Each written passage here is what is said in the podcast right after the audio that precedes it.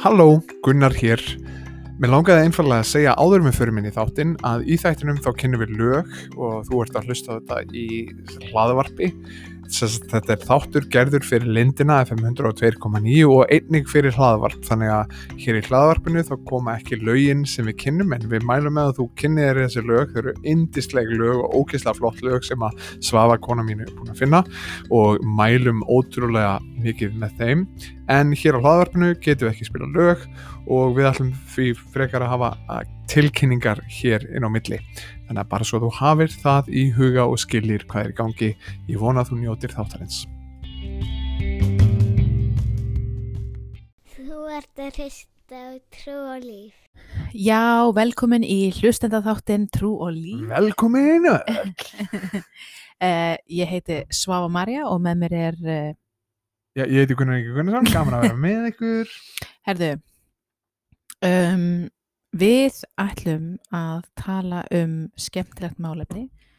Það er kynlíf Já, og, kynlíf, bibluna, kirkjuna uh, alls konar já, alls konar. Það er svona að þetta kannski spratt upp þessi hugmynd að tala um kynlíf bara hérna, bara svona út af síðustu umræðum sem hafa verið í samfélaginu en þá kannski einstaklega hérna vegna hlaðvar sem við hlustum um daginn hérna sem var sendt út frá hérna lútersku kirkjunni. Já, ég held að reyndar ekki lúterska kirkjan sé með þetta hlaðvarp, það eru prestar, tveir prestar já, já, innan lútersku kirkjunar sem eru með kirkjukastið sem er Akkurat. sérst hlaðvarp.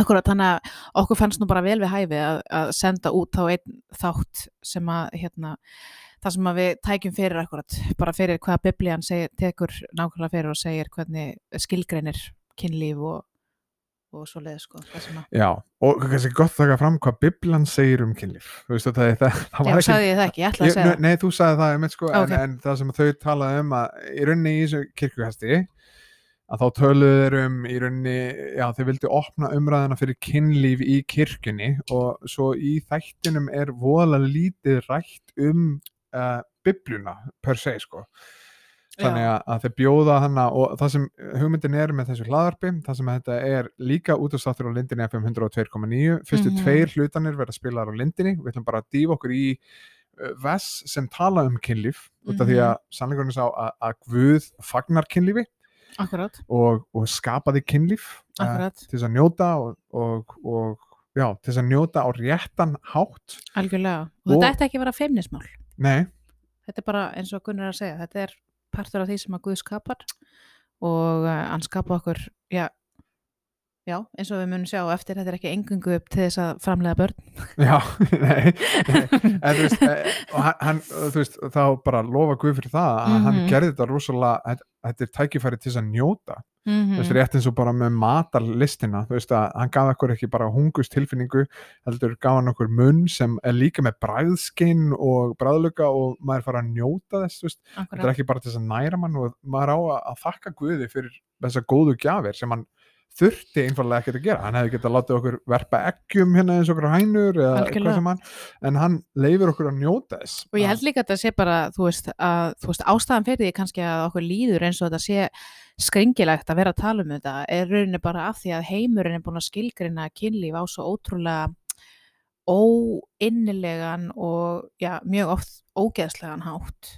Já, brenglaðan. Breng, já, og skrítin, veist, skrítin, já, alls konar. Eitthvað sem að við tengjum ekki við sem að, þú veist, þegar við segjum bara eitthvað, já, þetta, þú veist, þetta er fallegt og indislegt og þetta er, skilur, þú veist, hvað maður að segja, þetta er, held ég, út af heimsins viðhorfi að þá lætur þetta manni líða svolítið svona feimnum eða þannig. Já, held, held og það er ekki bara, það, það er því mér þannig að kirkjur hafa stundum staðið sér illa í að tala um kynlíf og það er alveg eitthvað til í því. En heimurinn hefur líka í sjálfu sér uh, staðið sér illa að tala um kynlíf. Við hefum leift klámiðnaðinum að skilgrina hva, hvað fólk á að búast við af kynlífi og, og vera það aðal tó- tól sem kennir já, ungu krökkunum um kynlíf. Um, og svo eru fullt af mótsögnum í svona hvernig heimurinn talar um kynlíf Já, ekki það að við ættum náttúrulega ekki að búast við því að heimurinn ætti að vera skilgrunn kynlífi á réttan hátt skiluru. Nei, og það ekkit, það er veist. nýtt dæmi per se, þú veist við pælum bara í því þegar Biblan er skrifuð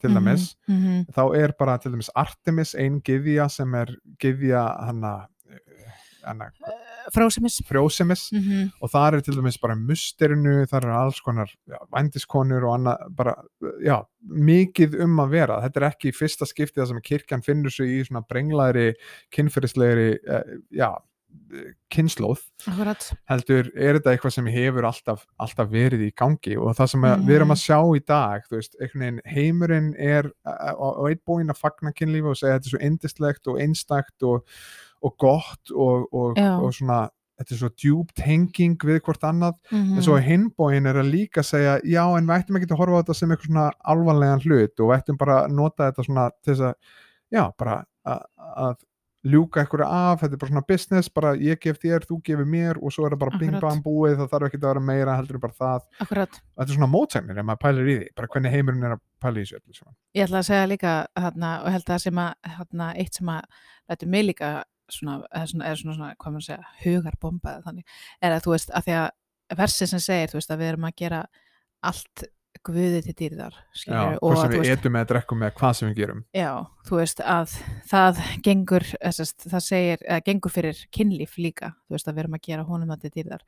Og líka, þú veist, að, að guð, hvað maður að segja, uh, þegar við erum að gefa guð, ge, sest, gera allt guði til dýrðar þá náttúrulega fáum við að þekkja hann betur skilur Mhm. með því að vera að gefa honum dýrðina og, og kynnast honum bara hérna, bara við höfum verið sköpuð þannig skilur að það, það, er gildu okkur að vera að gefa honum dýrðina í öllu þannig að það er mjög skrítið að eitthvað að hugsa um að þú skilur ert að þekkja guð betur í gegnum kynlífið þitt Já, og, og nota það á þann hátt sem Guð hefur skapað og Já. þannig kemur svolítið, þú veist, þegar Jésús kallar okkur til að koma, þá kallar hann okkur til að koma til að upplifa líf í fullri gnæð. Mm þú veist, hann er ekki komin til þess að, herru, ég er komin hérna með fullt af reglum til þess að hefta gleði ykkar og nöytt, heldur er þetta ég er með, ef, ef ég kemur reglur þá er það til þess að varveita gleði ykkar og nöytt og, og það, það, í rauninni spurningin er þessi, þegar kemur að kynlífi til, til dæmis, þá er þetta í rauninni falsk guð fyrir ótrúlega mörgum, það eru margir sem að lifa og tilbyðja guð kynlífsins og það sem gerist er að ef þú byrjar að tilbyðja guð kynlífsins, að Mhm. þá byrjar kynlífið að missa sinn mátt, þú veist, og því meir um að bara sjá þetta í heiminum í dag. Til dæmis er bara fólk núna sem er búin að brengla svo mikið haustum á sér með að horfa klám að það getur ekki notið eðlilegs kynlífs lengur. Og við sjáum þetta til dæmis. Hugh Hefner sem byrjaði Playboy magazine og veist, Mhm. sögunar sem hefur komið um svona seinni árin hans þar sem hann í rauninni bara misti áhugaðan af venjulegi kynlífi, Já, eitthvað sem var búin að eigða öllu sínu lífi að upphefi kynlíf allt í hennu gæti ekki notið þess lengur. Akkurat. Og við erum að sjá þetta til dæmis í Japan það er ótrúlega, ótrúlega skrýtni hlutir að sér stað þar þar sem ungt fólk bara hefur ekki lengan áhuga á kynlíf og það er allt komið bara klám og eitthvað svona Mhm. þannig að þetta, þetta er mjög skrítin tími til þess að Mhm. vera á Mhm. og það sem að gerist aftur og aftur ef við látum eitthvað annað í hásætið í lífum okkar, annað en hinn eina sanna guð, Mhm. þá mun það valda vonbröðum Mhm. og eimt og í rauninni ekki veit okkur gleði og það sem við verðum að spyrja okkur á trúi ég og treysti að Guð sé góður. Mhm. og ef svo er, trúi ég og treysti því hvernig hann horfir á kynlíf sem mér til góðs. Mhm. út af því að við erum með syndugt hjarta sem að á það til að fara á móti Guði. Akkurat. En hugmyndin var að við fórum svolítið svona að tala um hugmyndin var að byrja á því að tala um Vess, það sem að Guð eh, fagnar kynlífi. Já, og, og nota eh, tvo hlutan okkar á lindinni til að tala um í rauninni hvað Biblan segir um kynlífi og svo nota hlaðvarp hlutan, þess að þriða hlutan á þáttunum sem verður lengri hlutin það sem við ætlum að spila klippir úr kirkjukastinu og skoða það í ljósirýtningana Mhm. uh, því að við viljum ekki spila þetta út af því að bæði eitthvað um blót í þessum þáttum og, og já, svona eitthvað sem allavega já, ef það er ekki bara guðlast allavega mjög nálægt í að vera guðlast já, þú veist, ég myndi segja að vera guðlast þannig að, að, að lindin sem er kristileg út á stöðu vil vantarlega ekki vera að spila guðlast þannig að uh, ef við að byrja á bara reyningunum sem að fagna uh, kynlífinu? Já, endilega. Við ætlum að uh, lesa hérna í fyrstu Mósebók uh, Eitt. já, 1 vers 26 til 28 Guð sagði, við viljum gera mannin eftir okkar mynd, líkan okkur og hann skal drotna yfir fiskum sjávarins og yfir föglum loftsins og yfir fjenaðinum og yfir villidýrunum og yfir öllum skriðkvikindum sem skríða á jörðinni. Og Guð skapaði mannin eftir sinni mynd, hann skapaði hann eftir Guðs mynd, Hann skapaði þau, karl og konu. Og Guð blessaði þau og Guð sagði við þau. Verið frjósam, margfaldist og uppfylli jörðina og gerið ykkur hana undirkefna og drottnið yfir fiskum sjávarins og yfir fuglum loftsins og yfir öllum dýrum sem hrærast á jörðinni. Þannig að þetta er bara fyrsta blaðsíðan og eins og ég Mhm. segja í kirkjukastinu, það er, það er strax komið hann inn með kynlífi í fyrstu blaðsíðunni, þú veist að, að við eigum að vera frjósum. Mm -hmm. En svo uh, nefnaðir hann að kirkjur sem að predika það, ég, já, ég hef nú ekki lent í því að heyra frá kirkju sem hafa predika það að maður eigi aðeins að stunda kynlíf til þess að fjölga mannkyninu. Það ertu að menna á Íslandi þá? Já, uh, þú veist, ég bara, veist, ég hef heyrt um, einhver hefur heyrt um svona kirkjur, ég hef Já. aldrei heyrt neitt predikar að segja þetta sko, Nei, nei. uh, og, og í raun, þú veist, ef þú heldur í þessu hugmynd, þá, bara ef þú heldur áfram að lesa biblina, þá getur eiginlega ekki haldið í þessu hugmynd, Mm því að það er fagnað kynlífinu svolítið meira heldur en bara að leita þess að, Akkurat, og ég minna náttúrulega heil bók hana um þetta. já, Mm. og, og hann að, og við sjáum þetta, uh, já, við sjáum þetta í rauninni bara hvernig þið njóta hvers annars í, í öðrum kaplanum, þegar hann segir hérna í versu 23-25, uh, þú lesa þetta? Ég er samt að spá í, versi 22, sorry, má ég, má ég taka það fyrir árin lesa? Já.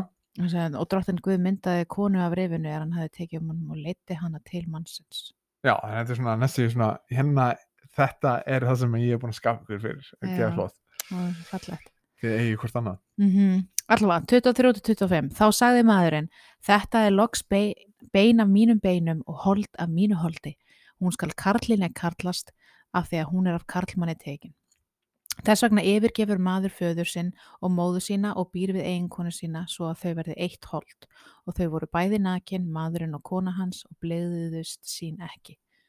Og hann er áður en að, synda fallið á sér stað og þau eru bara að njóta hvers annars. Mm bara alveg nakin, engin, það er engin að miða sig við einhvern annan, engin að sjá hrukkunar eða ófullkomna, engin hrættur, þau eru bara algjörlega opinn með hvort öðru og, og njóta hvers annars. Akkurat. Og þú ert karlinjan mín, Já, Ah. því er karlinja sem ég á. innja, mest, það er svolítið flott, flott orð segja. Já, Flott, Karl innja. En við erum að vera, uh, já, við erum að vera búið með fyrsta Já. hlutan af lindinni, ef við spila eitt lag og halda svo áfram að tala um nokkuð vess sem að fagna, uh, já, kynlífi og fara svo yfir í uh, vessin það sem að Guð er að vara við misnótkun á kynlífi. Já, hérna, fyrsta lagið er með Matthew West og lagið heitir Jesus and You.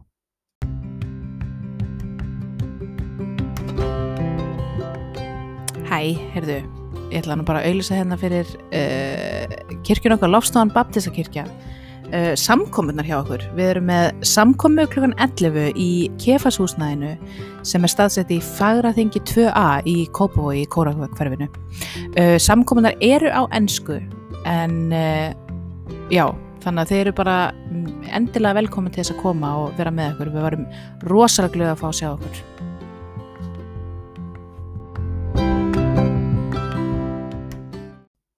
Já, velkomin aftur í uh, þáttinn uh, Trú og Líf. Trú og líf, Mm -hmm. uh, representin. represent. Um, já, ég er Svava María og með mér er Gunnar Ingi. Við erum að tala um kynlíf. Já, ætti ég kannski að segja það sem þú veist alltaf að segja þarna. Já, kannski taka það fram, við erum að fara að tala um kynlíf, Já. þannig að það ert með krakka í bílnum og vilt ekki hafa þetta samtal akkur núna. Þá getur slögt. Já. Blipp. Allavega, hérna... Uh, já, við vorum að klára að lesa í fyrstu Mósebók öðrum kabla og nú erum við að fara yfir í fyrsta korundubref sjönda kabla, vers 3-5 Já, og ég bara dembra í það já og það, það er einhvern veginn margir með þessa, með þessa hugsun, sko, að kristna kirkjan, uh, já, fagnar ekki kynlífi og Guð fagnar ekki kynlífi og svona, en, en það málið er að, að, að sem Biblan gerir er að hún fagnar kynlífi mjög vel þegar það er gert að Guðs hátt Mhm. og notað á það leið sem að er hanna fyrir. Veist, til dæmis eða er bara með, veist, ég veit ekki, sög og byrjar, að- veist, og einhver og byrjar að nota það sem hamar þá er það ekki gott, það er ekki þú ert ekki að nota sögina fyrir það sem hún er hönnu fyrir, hún á ekki eftir að hjálpa þér jafn mikið og þú myndir bara nota henni svo sög Já, og það sem að Biblan gerir oft er að veist, hún er vara við falskuðadýrkun þegar við tökum slæma hluti eða jafnvel góða hluti eins og kynlíf til dæmis og við brenglum það með því að horfa á það á óviðandi hátt. En ég held líka að þú veist að skilur að þetta sé náttúrulega líka bara hvað maður að segja fólki finnst náttúrulega bara biblían, þú veist, innan gæðslega bara svona gamaldags eða, eða, eða þannig, þú veist, léleg með þetta þegar kemur þessu að því að þú veist, að því það náttúrulega á að vera samþykkt í dag, skilur við, náttúrulega kynlífið á, að við, á ekki að hugsa um það lengur sem bara innan hjónaband sem milli karls og konu, skilur við. Já, og se- sem hefur leitt ímislegt af sér eins og bara, veist, það hefur ítt undir ja, fóstureyðingar og annað, þú veist, út af því að já, í nafni bara, mér langar að njóta kynlífsins en ekki taka einum afleiðingum sem geti komið af kynlífi Mm og, og, hana, og það hefur leitt til ímislegs, en Biblan hefur í rauninni að þvíleitunum til alltaf verið gamaldags, veist meiri þess að þegar Jésús er að tala við farið sig um hjónaband og skilnað og annað þá eru þeir í sjokki í rauninni hversu gamaldags Jésús er, jável þó að þetta var fyrir 2000 árum, hann er svolítið íhaldsamur hann Jésús um hvernig hjónaband á að vera. Já, já. Veist, hann vill bara horfa á eten og segja að það á ekki í rauninni að vera skilnaður, það er ekki Guðs áallin fyrir okkur og, mm og, og saman með kynlíf í rauninni, við viljum vera það gamaldags að við viljum fara alveg aftur í sköpunna og vera eins og nota það á þann hátt sem við sköpuð fyrir, og já, þannig að, að hérna já, kannski við förum hérna í fyrsta konundbyrju í sjönda kabla til dæmis, hérna er hann að tala til hjóna og, og hann segir hér í ve- í versum 3-5 Maðurinn gæti skildu sunnar gagvart konunni og sömulegis konan gagvart manninum. Ekki hefur konan vald yfir eigin líkama, heldur maðurinn. Sömulegis hefur og maðurinn ekki heldur vald yfir eigin líkama, heldur konan. Haldið ykkur ekki hvort frá öðru, nema þá eftir samkomulagi um stundar sakir, til þess að þið getið haft næði til bænahalds og takið svo aftur, saman aftur, til þess að Satan freysti ykkar ekki vegna ístöðu leysis ykkar.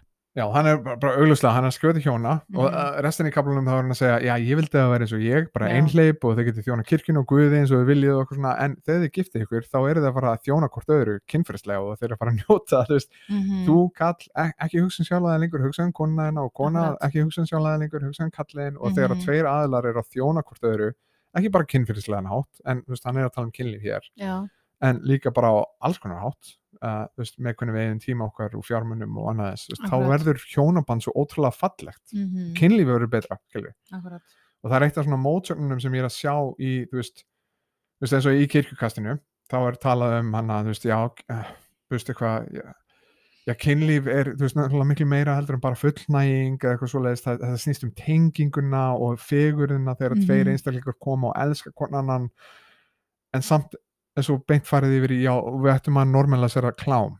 Og þú veist, bara, maður hugsa bara, hvað er, hvað er fegurinn í því og tengingin og, þú veist, og allt Já. það, þú veist, Mm að að það er og sé ekki svona lógísk hugsun sem fer í gennum allt þú veist, þetta er svona þetta Já, er ekki þessi fegur sem við sjáum í fyrstu konundabrjónu Já, akkurat.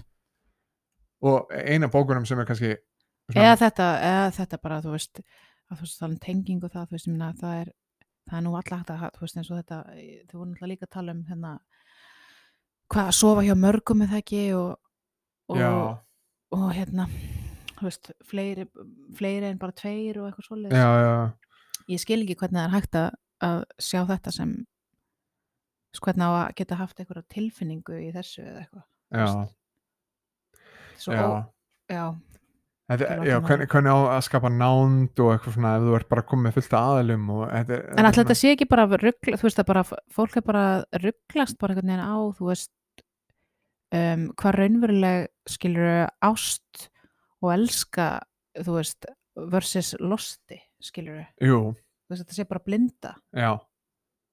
Já, og þannig ertu kannski komin í veist, tímabunna nöytt að njóta veist, kynlífsins og veist, þetta Já. veitur svona ok, eitthvað, hormónar í líkamunum starfsemi sem fer í gang og, Já, en svo er eitthvað svo miklu, miklu dýbra sem á sér stað í hjónabandi þar sem tveir aðalar er að gefa sig í að elska konana, þjóna hvort öðru, þekkja Mhm. hvort hana betur akkurat og meiri segja að þú veist, eins og gerður er kirk, eða hana, já, hana gesturinn í kirkjukastinu og kemur hann inn og tala og ég er með hann á Facebook, ég er, eh, hún er vinkona Já, mín og ég þekk akkurat, hana og hún er mhm. með stort hjarta að mörgu leiti og, og hann að já, ég bara, þú veist, mér þykir ótrúlega vænt um hana. Og ég er með hann á Mhm. Facebook og hún deilir stundum svona niðurstöðum, hún er að taka skoðanakannir til dæmis hvort að fólk fíli kynlíf um, já, þú veist, ein skoðanakannin sem gerði daginn var fílar kynlíf með einhvern sem ert náinn og elskar versus einhvern sem er ókunnur. Og þá var bara Akkurat. hætti 92% af fólkinu sem tók þátt sem sögðu bara akkurat, auðvitað með þeim sem ég elska. Já, og þannig er bara eitthvað, heyrðu, þú ert að byggja um það sem Guð segir að þú ert skapaðir fyrir, skilur þetta er það sem hann vill, að við Akkurat. séum að njóta þess.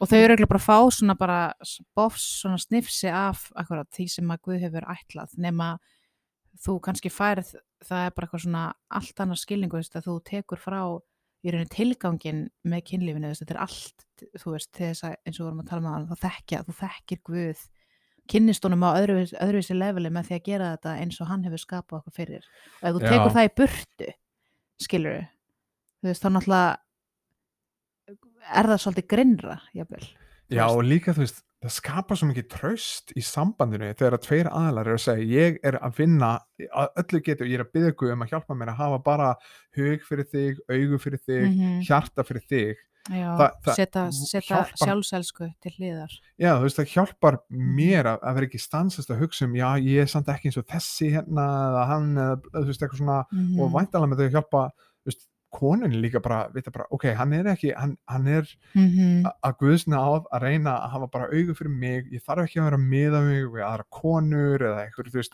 ég get ekki ímynda mér þá pressu Mm sem að einstaklingar setja sig undir ef það eru að horfa á til dæmis bara einhverja rugglaða mynd af kynlífi sem sest í klámi eða eitthvað svo leiðis og búast við því að, að einstaklingarnir eiga að vera þannig þú veist, eitthvað svona, veist, þetta, þetta skapar, þetta tekur í rauninni fegurðina úr kynlífi Mm og byrjar að láta þetta snúast um performance, bara að þú ert hérna fyrir mína nöytt og það er eins gott að þú já, sért með góða sýningu fyrir mig eitthvað svoleiðis. þetta er Já. ekki tveir aðalar að þjóna hvort öðru, elska hvort annað Akkurat. skilur þess löst Mhm. og ég meina, þú veist pælið með því, þú veist, ef, ef þú lætur kynlíf á þennan stað í lífinu þar sem að það er byrjað að vera að skipta mestu máli Mm hvað gerist ef einn aðalinn er veikur um tíma, er að díla við krabba minn og er kannski ekkit með kynferðslega löngun í kímó eða eitthvað Akkurat. Þetta er bara ein, akkurat, þetta er bara eitt svona, hvað sem er, ein hlið á hjónabandi sem hún færða, þú veist, já, upplifa skilur. Þetta er enga megin, uh, þú veist, áaldrei að vera aðalatrið, skilur, þú veist.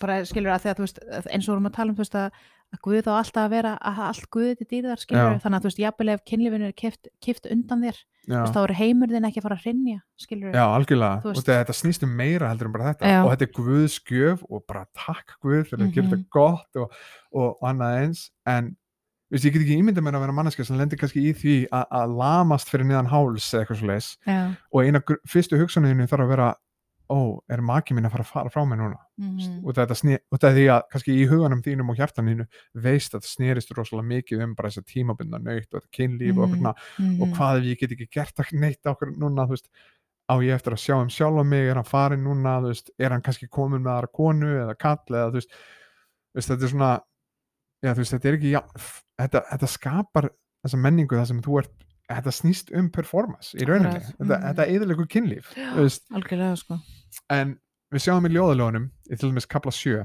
Já. það er ein bók í biblunum sem fjallar rosalega mikið um kynlíf á milli fólks og Mhm. við sjáum að þau eru að njóta hvers annars Mhm. og það er eins og áhuga að vera myndlíkingar hérna eins og til þess þetta brjóst þín eins og tveir rá, rádýrs. Já. Rádýrskálvar skógeitar tvíburar. Þetta, er- hann er sagt að skrifa um fegurð uh, konuna sinnar. Háls þinn er eins og eins og fílabeinsturn þín sem tjarnir hjá Hesbon við hlið Batrúbím, þeir eru hvað þetta er fallegt. Nef þitt er eins og Líbonsturnin sem veit að Damaskus já, þannig að það er já, eins að það sé rétt í Líbonsturnin sko Mhm. En þannig er til dæmis bara k- kapli og í rauninni bók í biblunni sem er svolítið að fagna það er margir sem segja, já, þetta er, þetta er tenging krist og kirkjunar og annað þess jú, jú, einhverju leiti til þá bendir allur kærleikur og, og, og ást af Jésu Kristi og hvernig hann elskar okkur Mhm. En það er alltaf þannig náttúrulega en þetta er líka bara auglustlega bók um kynlíf, bara tveir einstaklingar að njóta hvers annars og dást að hvort öðru og gjöfinni sem að Guð hefur gefið þeim í, Mhm. í hvort öðru. Og þetta er alveg falleg bók sem að svona fagnar þessu sem að þessi, þessari góður gjöf. Akkurat, og ég held að það sé, þú veist þetta að því vorum að tala um líka, þú veist þetta er uh, að því að þú veist kallmaðurinn er, þú veist, ég hef bara auguð fyrir þig, já, þú veist, og konan ég hef bara auguð fyrir þig. Og þetta skilur uh, þessi ó nei, skilurisleysa Já, sem það ekki, já, s- sem skilurisleysa ást fyrir einstaklingnum, þú veist, þú hefur játa það að þú ætlar að, gefast þessari mannesku og það er bara engin önnur skilur, þetta þessi fegur og ég held að þetta, þú veist skilur að þeirra hjónabandið á að endurspegla fagnarrendið, þú veist, til fyrir he, utan komandi heiminn, þannig að þú veist að jafnvel þetta, þú veist, þetta sýnir líka fagnarrendið skilur að vissu leiti þegar að, að fólk sjáu bara, vá, þú veist, hann hefur bara augu fyrir hana og hana eina, þú veist, alveg eins og drottin segir, þú veist, ég hef bara augu fyrir þig, skilur, ég dó fyrir þig, þú veist, ég valdi þig áður en að ég skapaði allt annað, þú veist, Mhm. þá, viss, þá þekkti ég þig. og náttúrulega vita að hann er ekki bara að segja okkur hvernig á að elska hvort annað hann er að sína okkur hvernig hann elska hvort annað Já, veist, í, sýna í já. Jésu Kristi mm Mhm. við höfum alltaf ástæði til þess að fyrirgefa til þess að elska, til þess að sína Mhm. þólimæði en ég held að við náum bara á lindin að tala um það jákvæða já. sem Biblian segir Já, um, um kynlíf og það við kunnum svolítið að bladra Já. en kannski að endum að þessu orðskviðinir fymtikabli, vers 18 til 20 og það er mér finnst það svo æðislega vers það sem hann er að hvetja okkur til þess að elska, já, bara eiginkonu æsku okkar Já, uppspretta þín sé blessuð og gleð þig yfir festar mei æsku þinnar. Elsku hindinni, indi skemsunni, brjóst hennar gjöri þig æti drukkin og ást hennar fjötri þig æfinlega. En hví skildir þú, són minn, láta léttuðar konu töfra þig og faðma barm lauslátrar konu? mm af hverju að sætta ef við það Mhm. þegar þú ert með konu æsku þinnar Akkurat. en uh, kannski þú segir okkur lægið en áður en þú segir okkur hvað lægið er að þá vil ég bara minna á þetta er líka hlaðvarpstáttur þannig að þú ert að hlusta okkur á lindinni þá er það lengri þáttur sem verður á hlaðvarpinu ég hef á tilfinningunni að það verður svolítið mun lengri þar sem við erum að fara í nokkuð vest þar sem að varar við uh, brenglaðri hugsun gagvart kynlífi sérstaklega þegar við gerum kynlífa guð í lífi okkar. Já, og svo ætlum við að fara að spyrja klippur úr kirkjukastinu og meða það við hvað Biblan hefur að segja. Akkurat. þannig að ertu með lag fyrir okkur? Já, uh, þetta er hérna lag með Andrew Peterson og heitir Dancing in the Minefields. Ó, gott lag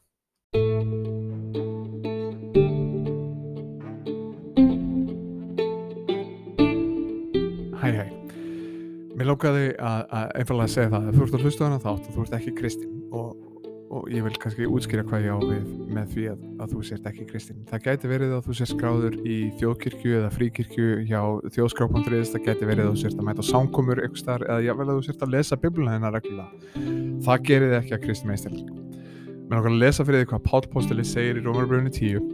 Ég vil byrja hérna í áttunda vessi og þá segir hann hér uh, orðtrúarna sem við predikum er þetta.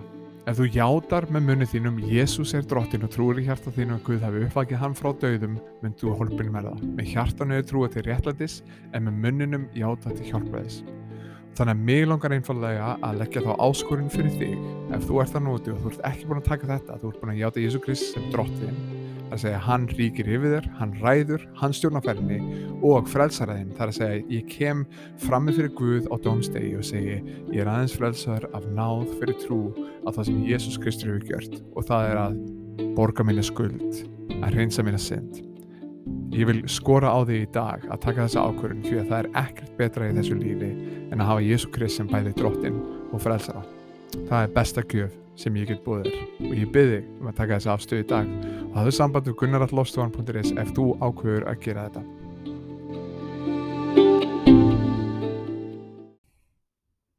Já, velkomin í trúlíf. Alltaf gett, öðruvísi tónni þegar við erum komin í podcast þessu. Já, þegar ég var alltaf að hugsa bara hvað, já, en það, já, velkomin trúlíf. Uh, þetta er áframhald af hérna þættinum sem við vorum að gera á lindinni. Um, við erum að tala um kynlíf og Yes, yes, yes. vorum að klára að lesa biblíuvers um, og við ætlum að fara ykkur yfir nýtt biblíuvers, ekki bara að segja það? Jú, við, eh, við erum búin eiginlega með svona allavega, sko, Já, við erum alltaf já. ekki að fara í öll möguleg biblíuvers sem fjallum þetta. Nei, en við ákveðum að skipta þessu þannig að, að við ætlum að tala um hérna, nokkuð vers sem að það sem að biblían fagnar kynlífi og svo yfir í það sem að biblían varar við að uh, hvað er það? Varar við að stunda kynlíf á, fyrir utan það sem að Guð hefur. Já, Eða ekki? já.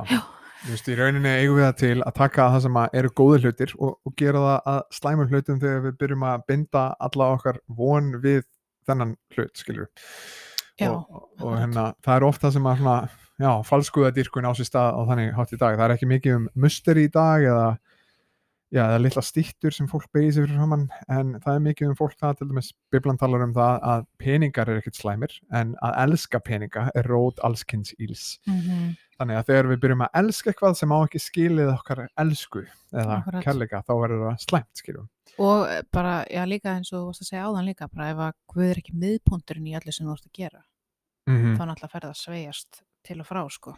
algjörlega Þannig að, og veist, í rauninni kannski já, sterkasta sínin á hvernig í rauninni Biblan talar um brenglunar uh, hugsun gagvart kynlífi og hvernig það tengist beint í rauninni dýrkun kemur fram í Rómarbeginu í fyrsta kapla uh, þegar það já, þegar kannski veist, 25 þú veist, í rauninni þá fer hann hann að tala um hann er, hann er mjög mikið í vessunum áður að segja þú veist, þeir þekktu Guðin hafa saman ekki veksa hann eins og Guðin ég þakka honum fyrir, heldur Mhm. gerist hérkoma, hérkoma leir í hugsunum sínum þeir Mhm. þóttust vera vitrir en urðu heimskir og skiptu á veksemd hins ódöðlega Guð og myndum og byrjuðu að tilbyða þú veist skapa, sk sköpuðu jörna og svo í vessi 25 til 27 fyrir hann að tala um hvernig það leiðir svo til svona brenglun, brenglunar já, hegðunar kakvart kynlífi og, og hvernig Mhm. það lítur út veist þannig að, akkurat Ég lesa það núna já, Þeir hafa skipt á sannleika Guðs og líginni og göfgað og dyrkað þið skapaða í stað skaparans, hans sem er blessaðar að eilifu. Amen. Þess vegna hefur Guð ofurselt þá svívirðilegum gerendum, bæði hafa konur breytt eðlilegum mökum í óeðlileg og eins hafa líka karlar hætt eðlilegum mökum við konur og brunnið í losta hveða til annars. Karlmenn fremdu skömmu karlmennum og tóku út á sjálfum sér makleg málagjöld villu sinnar. og það sem við sjáum í rauninni svolítið í kennum bara mannkinn söguna er að það er rosalega oft gert gyðjur úr kynlífi til dæmis bara Artemis á tímabili veist, Já. hún var svona frjósemisgyðja það eru Mhm. margar frjósemir uh, guðir og gyðjur í, í hinduisma til dæmis og, og Mm. veist, mólek tilbeðsla til dæmis í gamla testamentinu var alveg ógeðslegt það sem að þú veist, þú, þú, lest eld undir uh, já, já, mynd af mólek sem var svona nöyt með faðmanna sín úti og þú lest börnið þín í glóandi eld og brendi þau til dauða til þess að þú myndir eignast fleiri börn og þú veist, það er mjög mikið já, bara af, af falskuðadýrkun í gennum mannkinn söguna sem hefur snúist um kynlíf mm Mhm. og ég, þegar ég var að lesa um hérna, mér langar bara að taka þetta fram Mm. hérna, um þetta máleg sko, þá hérna, skildist mér á því þannig líka að, að börnin voru ekki endilega skilin að það eftir alveg endalust skil, þá skildi ég þetta þannig að því ég var að lesa þetta að þeir voru sett þarna í smá tíma og sérst, það var eitthvað gæi sem var með svona dr- drunur, svona risastóra drunur og hann, hann átti sérst að lemja á það bara til að drekja niður sérst, öskurinn í já, til þess að, maðurinn sérst, eða sérst, fjölskyldana, jú, maðurinn eða konan eða whatever, hann myndi ekki hætta við, já, skilur en það er er ógslegt en, en það var allavega, það var allavega ekki talaði menn til að þau voru skilin eftir alveg á þessu, það var bara eitthvað svona látin að það var beðið eftir að líkneski var glóandi raukt þannig að það var bara, bara eins, og, eins og málmur er þegar að vera þú veist, það er bara svona glóandi rauður málmur og látið svo í hendunar á líkneskinu þar sem að það brandi döða frekar fljótt já, veist, akkurat, það hlýtur að vera allavega, en en að, þetta er náttúrulega bara viðbjór. Já en veist, það, það er mjög mikið sem snýst um kynlíf þannig að þegar að fólk fer að tilbyða aðra guði og annað þess mm og hérna já þú veist ég held að þetta sé til dæmis bara sko eitt af, eitt af því sem að, sem að maður getur líka við gert svona til þess að tjekka, tekur þú bibluna þina alvarlega? Er í rauninni að spyrja hei, hva, hvað finnst þér um, um kynlíf fyrir hjónaband, hvað finnst þér um uh, hvað trúin sinni um samkynneið eða, eða te- tekið í rauninni öll þessi controversial topics? Ekki út af því að þetta er svona aðal dæmið sem er kristin trú heldur út af því að þetta er svona það sem mesta pressan er í dag. Að gefa eftir að hætta að vera svona gamaldags að pæli já, að kynlíf sé bara fyrir eitthvað fólk innan hjónabands og bla bla bla heldur að, að það sé einhvern veginn já, veist, þannig er mesta pressan finnst mér. Og Já. þess að sjá hvort að einstaklingur er, ertu virkilega að trúa því og treysta því að, að Guð sé með hamingju þínu huga og mhm, raunverulega sé að gefa þér reglur þér til góðs og viti hvað hann skapaði fyrir og hvar hamingja einn liggur að þá getur spurt þessar svona spurningar það sem að mjög mikið pressa gefa eftir og bara mhm, byrja svolítið að móta skoðin sín eftir já, hvað klámiðnaðurinn er að segja eða, eða hvað aðrir eru að segja í kringu hvað Akkurat. kveikmyndir eru að segja.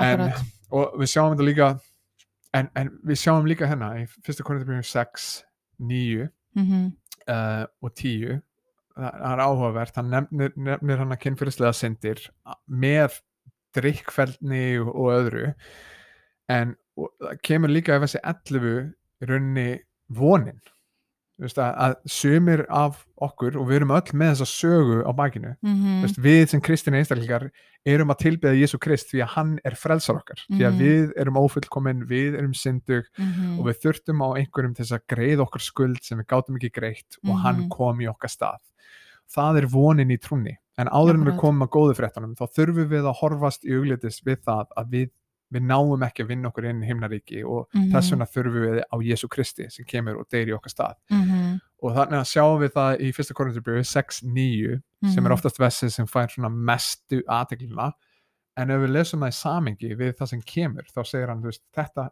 voru þið þið lifðið í þessu, þið skilgrindu ykkur eftir þessu og þess þannig að, viltu lesa það? Já, við skilja Já. það. Vitið þið ekki að ranglátir munu ekki Guðs ríki erfa?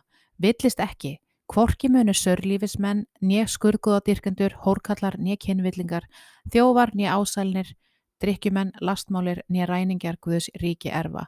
Og þetta voru þið, sömur ykkar.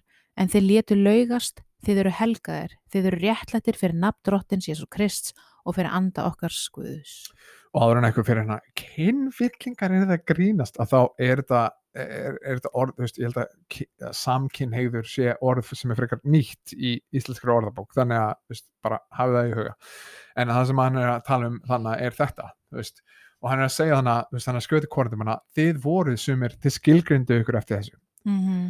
og þegar hann segja þetta voruð þér sumir ykkar það sem ég veist áhugavert þegar kemur að þið tala um kynlíf í dag þú veist, er að þetta er rosalega touchy subject. Já, út af því að það eru svo margir sem binda einkenni sitt við þetta. Veist, og því miður hefur kirkjan og í rauninni restina er það tala um heimin þá kynlífið per se núna? já, já, þú veist, eins og, eins og þegar kemur að, að, að þú veist uh, já, transgender hugmyndinni eða þegar kemur að samkynneið eða eitthvað svo leis veist, það eru mjög margir ég, og ég reyni ekki að vera veist, mér langar ekki að móðga neitt eða eitthvað svo leis en þú veist en þegar ég, þegar ég segi, veist, já ég bara held að þetta sé ekki það sem Guð vill fyrir okkur þá eru mjög margir sem, sem í rauninni taka því sem ég er að segja að ég hata þau fyrir að Já, vera já. það sem þau ég sagði það aldrei, þú veist, ég sagði ég, ég held að þetta sé ekki vilji Guðs fyrir þitt líf ég myndi Mhm. segja sama við besta, besta vinminn sem, sem veist, er kannski að búa með kærusinu sinni fyrir, fyrir utan hjónaband og annað þess, veist, Mhm. en nema bara hann tekur þið ekki alvarlega og þegar að ég segi við eitthvað sem er kannski samkynur segi, ég held að þetta sé bara ekki það sem Guð vil fyrir þitt líf og hann hefur sagt það í orðið sínu og ég trúi því að hann skrifa þetta okkur til góðs, veist, það er, það er Já. mín trú og, og þá er oftast bara tekið því bara, já ok, þannig að þú hatar mig sem einstakling ég bara, nei, að þetta beinist að meinarðu? já Mhm. þú veist að þú er bara sagt þetta er einkenni þitt, þú ert bara þetta eh, og, og kirkjan hefur gert það sama já, já, þú veist, hún hefur talað um samkynhneigð sem í rauninni bara svona einsind sem að bara er bara ófyrirgefanleg og það er ekkert hægt að gera þú ert bara, þú ert ekki einu svona mennsk persóna sköpuð í ímynd Guðs með Já. gildi, heldur ertu Akkurat. bara synd með lappir mhm, og bara, þú veist, hort á það sem bara, nei, við viljum ekkert með það hafa akkurat en það er bara ekki þannig, þú veist, við sjáum Mhm. að þetta voru þér sem er eðar en þér letur laugast, þér letur helgaðir þér eru réttlæti fyrir nafn drottins Jésu Krist og fyrir anda vors Guðs Akkurat, og það er, þú veist, gott að benda á, þú veist, bara, skilur að við, við vorum, þetta var að tala um okkur líka, já, þú veist, ég, veist, að það, við erum ekki, þú veist, því miður akkurat, eins og segir, þá hefur uh, kannski oft hljóma þannig eins og uh, af því að samkynniðin eða samkynniða umtalið hefur fengið að róma hvað hæst, þannig að það er alltaf eins og, það getur komið út eins og það sé verið að benda fingurum sérstaklega á það, já, e- veist, eins og bara hérna í textunum þegar hann segir hórkarlar okay, svolítið gamaldags, gamaldags orð fyrir þetta en ég held að, ég er ekki búin að skoða grískuna bak við þetta en ég geti aftur aftur mér. Ég held að þetta sé orðið sem er á bak við þetta er pornía í grísku sem er brenglun á er að segja allt kynlíf sem er ekki innan hjónabands það sem, þú veist og, og í rauninni eru margir ná- nánast allir sem þetta falla undir þetta kategóri ef, ef þú Mhm. ert búin að horfa á, á klám eða svo klámblöð eða þú veist, það eru nánast allir sem þetta falla undir þetta og það er sama vonin fyrir þig þetta Mhm. voru þið sumuriðar en þér leitur laugast, þeir eru helgaðir þeir eru réttlættir fyrir nafn drottins Jésu Krist Mhm. Jésús er vonin okkar Mhm. sömulegis hann tala um þjófa uh, þeir sem eru lastmálir Mhm. þessi drikkjumenn við, við getum öll fundið einhvað Eitthvað, í já. okkur þarna Mhm. uh, skurgóða dyrkundur kannski það lítur ekki út eins og skurgóða heima hjá þér þar sem þú ert að brenna reykils eða eitthvað en þú ert að tilbyða eitthvað, þú til þess að tilbyða Mhm. kannski er það peningar, vinnaðinn Mhm. uh, hvað sem er skilju en og svo, svo náttúrulega þegar kemur sérstaklega að- klámi og annað þess þú veist, og þá sjáum við að Jésús var með svolítið drastíska hugsun Já. Veist, í rauninni í fjallræðinni, í Mattius 5 til 7 að þá er það Jésús sem tekur í rauninni einhverja sem að fariseganur horfið á sem ytri gjörðir og gera það hjartansmáli Já, akkurat. Það var náttúrulega bara byltinga kent. Já, og hann gerir það í rauninni þannig að við áttum okkur á því að við erum öll í þörf á frelsara Já, akkurat. og þú veist, hann tekur til dæmis eitthvað eins og bara, hei, þú skalt ekki morð fremja er eitthvað sem þið hefur heyrt Mhm. sem er, þú veist, og í rauninni segir hann en ég segi ykkur, hatið ekki hjart ykkar því að þá Mhm. ert út af því að pælið aðeins í þessu bara hvað er umölugu standard eða markmið í lífinu, bara að reyna að lifa lífinu þannig að þú sért ekki að myrða einstaklinga Já, akkurat. Veist, Jésús vill að við séum með miklu miklu meira við elskum einstaklinga Mhm. sömulegis segir hann hér í Mattius 5, 27-28 þér hafi heyrt að, að sagt var þú skalt ekki drýja hór og þannig voru þeir að hugsa, já þú skalt ekki svo ég konu svona. Mhm. en ég segi ykkur hver sem horfir á konu í gindarhug hefur þegar dríkt hór með henni hjarta sínu. Já, akkurat. Það voru allir bara, wow. Jésús, þetta er rólegur wow, wow, wow, skulum aðeins róa okkur. Já. og hvað þá núna í samfélagi það sem er með interneti, það sem er klám það sem að, veist, stundum eru bara þættir. Veist, ég manni ég las frétt um það að Game of Thrones gat ekki fengið venjulega leikonur til að leika í þáttunum þeirra lengur sem auka leikonur þau þurft að fara í klámiðina þeim til að finna auka leikonur og Mhm. maður hugsa bara, ok, hvenar er þetta orðið klám? Hvenar er þetta hægt að vera þáttur og orðið klám? Uh, og þú veist, Allan hafi ekki verið að, þú veist, benda líka á hérna, þú veist, hann hafi gert þetta að hjartansmáli um,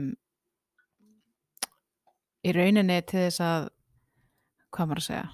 Oh, ég heila misti punktin ég var að hugsa hérna spurningu sem ég ætlaði að spurja Æ, ok, Já, en það er veist, þetta er svona, þetta er bara beinið öllum hugaðinum að elska Guð.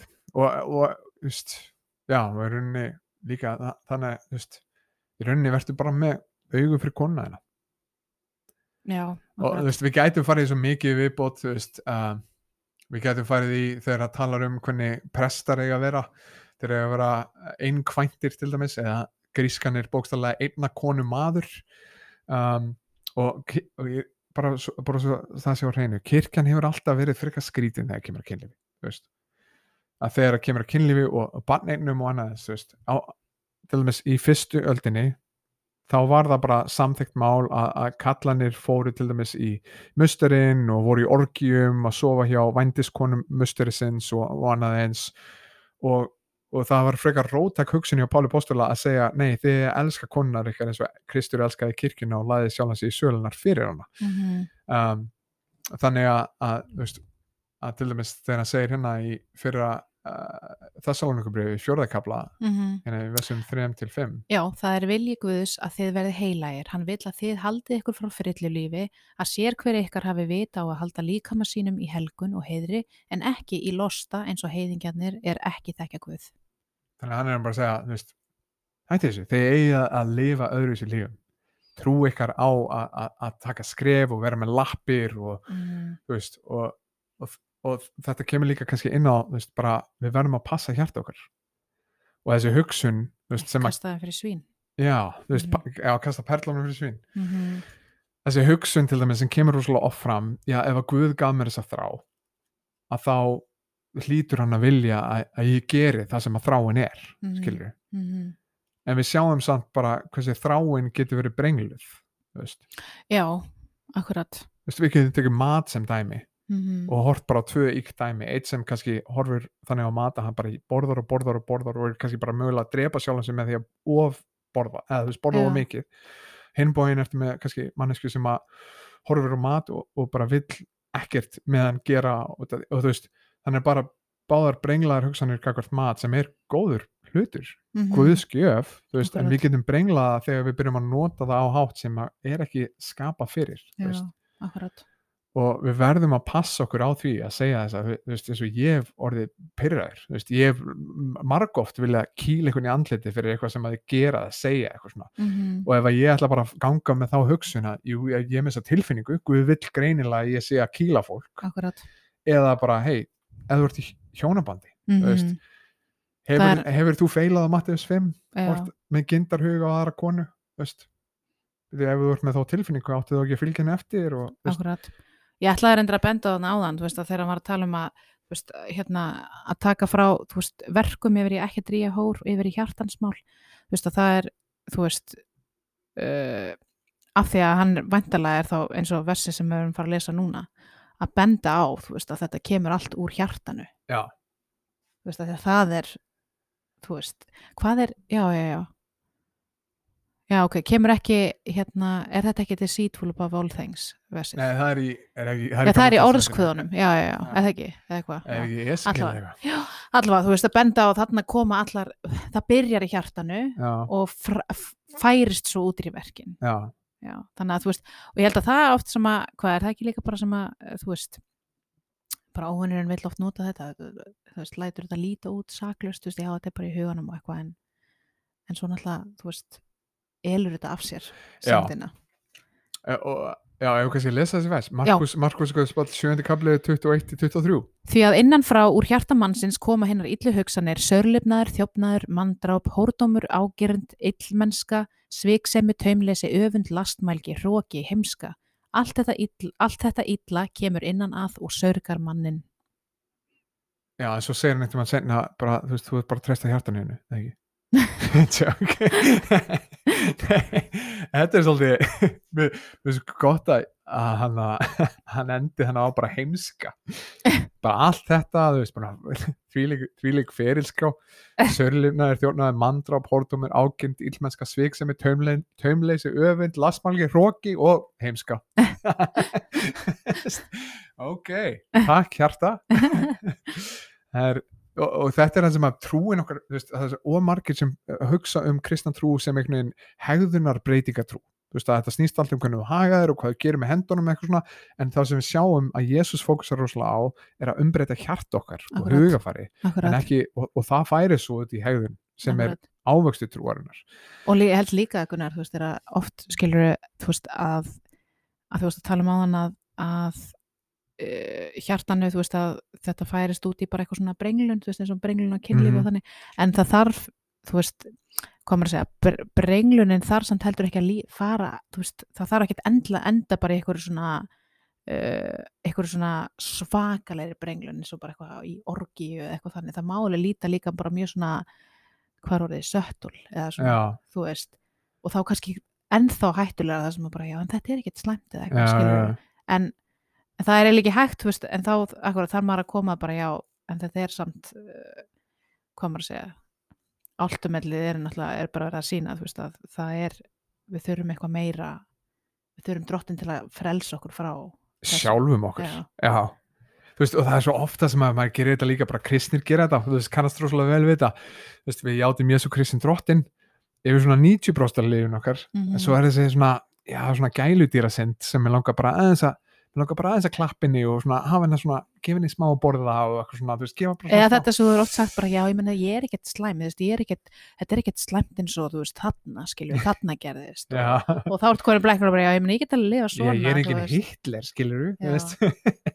en vandamálið okkar að Guð er að með okkur við sjálfa sig og hann Já. er fullkominn þú veist, og ah, já, þú veist, við þurfum á náðguðs að halda þess og aftur og aftur og aftur fyrir hverjum degi. Mhm, og þá er ég svo þakkláttur fyrir byluna sem segir okkur að náðguðs er ný á hverjum degi.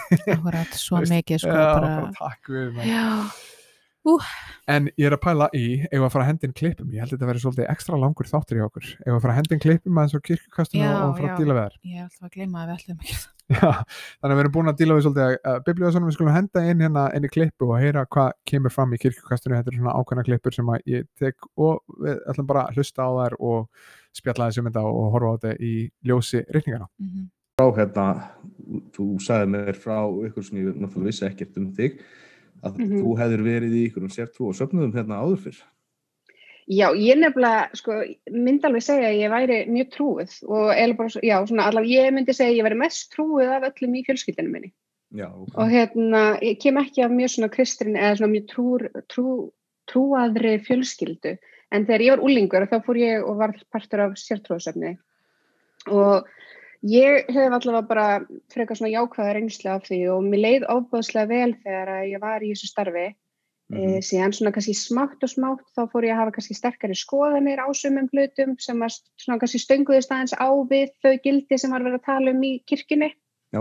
og þar að leiðandi þá einhvern veginn ákvæði ég svolítið að fara í mína eigin vegferð og bara í rauninni eins og ég hef oft sagt sko, ég trú á Guð en Guðin sem ég trúi á er svolítið bara mótaður eftir mínum gildum og Já. ef það er eitthvað sem að til dæmis eins og það var mikið í þeirri kirkju sem ég var í, ég var svona á móti samkynnið og uh, einmitt kannski svona kynlífar hvað maður að segja, svona presentað öðri sem heldur en ég myndi gera í dag. Að þá einhvern veginn svona býja bara til ok, hver eru mín gildi varandi kynlíf og það er bara það sem guð, minn Guð trúir og hérna varpar á mig, Eða, ég veit ekki hvernig ég get útskipt þetta betur, Já, en bara svona já, ég býti mína eigin leið fyrir minn Guð. Finnst þið þá að hafa verið svona neikvætt viðhorf til kynlífs innan þess að sapnaði sem þú varst í? Já, já, þetta var fyrsta klifan, Já. það sem að við vorum að tala um sértrúasöfnir. Já, akkurat. Þetta er áhugavert orð, sértrúasöfnir. Ég held að lostu hans í alveg pottitt flokkar sem sértrúasöfnir. Og hvað Já. þýðir eiginlega sértrúasöfnir? Já, ég meina, þú veist, ég meina, þ- já, ég hef svo sem ekki googlað hérna, eða leitast eftir að sjá skilgrinningun á íslensku með sértrú og safni. Það er vantilega, Það breytist bara- eftir hvað fólk er að miða það við, sko. já, en það er náttúrulega, þú veist, að fólki sem að talar um það hérna á Íslandi, þá náttúrulega er það sértrú og safni sem að er í rauninni bara, Hvítu sinni pakk. Ekki það? nei, það, sértrú og safni er samkvæmt allavega sem ég til vera, þegar fólk segir sértrú og safni, er í rauninni bara eitthvað sem að er biblíulegt. Já, og það er nefnilega áhugaverð við þetta, sko, veist, að það sem að, eins og ég hef lendi, ég man, svo mörgum umræðum, það sem að það kemur í ljós í rauninni. Íslandingar, þeir fílaði alveg, þeir, þeim er alveg sama að þú kallaði kristin, sko, en um leiðu þú segir að, á, að sko, trúin byrjar að hafa einhver praktísk áhrif á líf þitt og hvernig þú hugsar og hvernig þú berðig, að þú byður eða le actually lest biblina, Já, þá ertu orðin svona sértrúasöfnur, sko, og sem er mjög áhugavert, við þeir, það er bara svona hinn klassíska kristna trú, akkurat. skilur við. og þegar ég segi hérna sértrúasöfnir en þú veist að það er eitthvað sem er biblilegt þá er ég samt ekki að segja þú veist hérna að það sé bara uh, bara hvort sem það sé rámt eða ekki skilur, ég er ekki, er ekki að segja það ég er bara að segja eins og Gunnar var að nefna. En ég hérna, og kannski taka það fram, þú veist, ég, við þekkjum, eh, allavega ég þekki Gerði, ég, ég ólst upp með henni, eða þú veist, hún var í, í grunnskóla með mér og mér þykir ótrúlega vænt um hana og, og hún er bara og- ótrúlega, bara, bara indisleg og bara nær hjarta svo- mínu. já, og við erum mjög ósamla í mörgu Mhm. og ég held að Gerði sé bara þannig típa að hún geti hlustað á eitthvað gaggrinni, gaggurt hugsun og átt að segja á, að, þú veist, hún aðskilu sig frá, rökunum og manneskunni og algjörlega en hann að, já, ég er náttúrulega bara algjörlega ósamla þannig og þú veist, svo fer hún í rauninni að, gera það sem gen- margir íslendingar gera þegar kemur að trúni, veist, að, að horfa á Guð sem í rauninni einhvern svona konsept frekar en personu þú veist, í rauninni eins og salatbarinn í, þú veist, ég veit ekki Ruby Tuesday eða eitthvað, þú veist, ég, mér langar smá hérna, þú veist, kjötbollur og ég ætla að sleppa hérna paprikunni eða eitthvað leis, þú veist, og, og Mhm. það er svona margir sem að horfa á Guð ekki sem personu heldur konsept. Já, Málega er að Jésús kemur og mætur á svæðið og segir ég er sannleikurinn mm vegurinn og lífið. Og enginn kemur til fæðinist nema fyrir mig þannig að segja ég er svo sem ég er. Já. taktu við mér eins og ég er eða ekki ég er að velta fyrir mér, þú veist, hvaða er sem að fólk vill, skilur hvað er það sem að er, það- er að leitast eftir þegar það vill hafa guðrunni hérna, bara svona, svona mótað eftir sínu höfði, fattar hvað er það sem það hvað er það raunilega sem að þjónar því það, Mhm. skilur, hvað, hvað er það við trúna sem er eitthvað öðruvísi sem að gefur því eitthvað sem að er svona einstakt, skilur, ég hef svo sem aldrei spurningaði þessu. Nei, hvað ætlaði að geta eða þú veist náttúrulega fyrir mér þá er náttúrulega akkurat öfugsnúið við, öf, við sköpunna sem við lásum í fyrstu Mósebók áðan þegar, þegar Guð var að segja sköpum mannin í okkar mynd og þannig erum við í rauninni byrjað að snúa myndinni við og segja "Le- sköpum Guð í okkar mynd Mm. látum hann fylgja okkur og endurspegla hver við erum Mhm.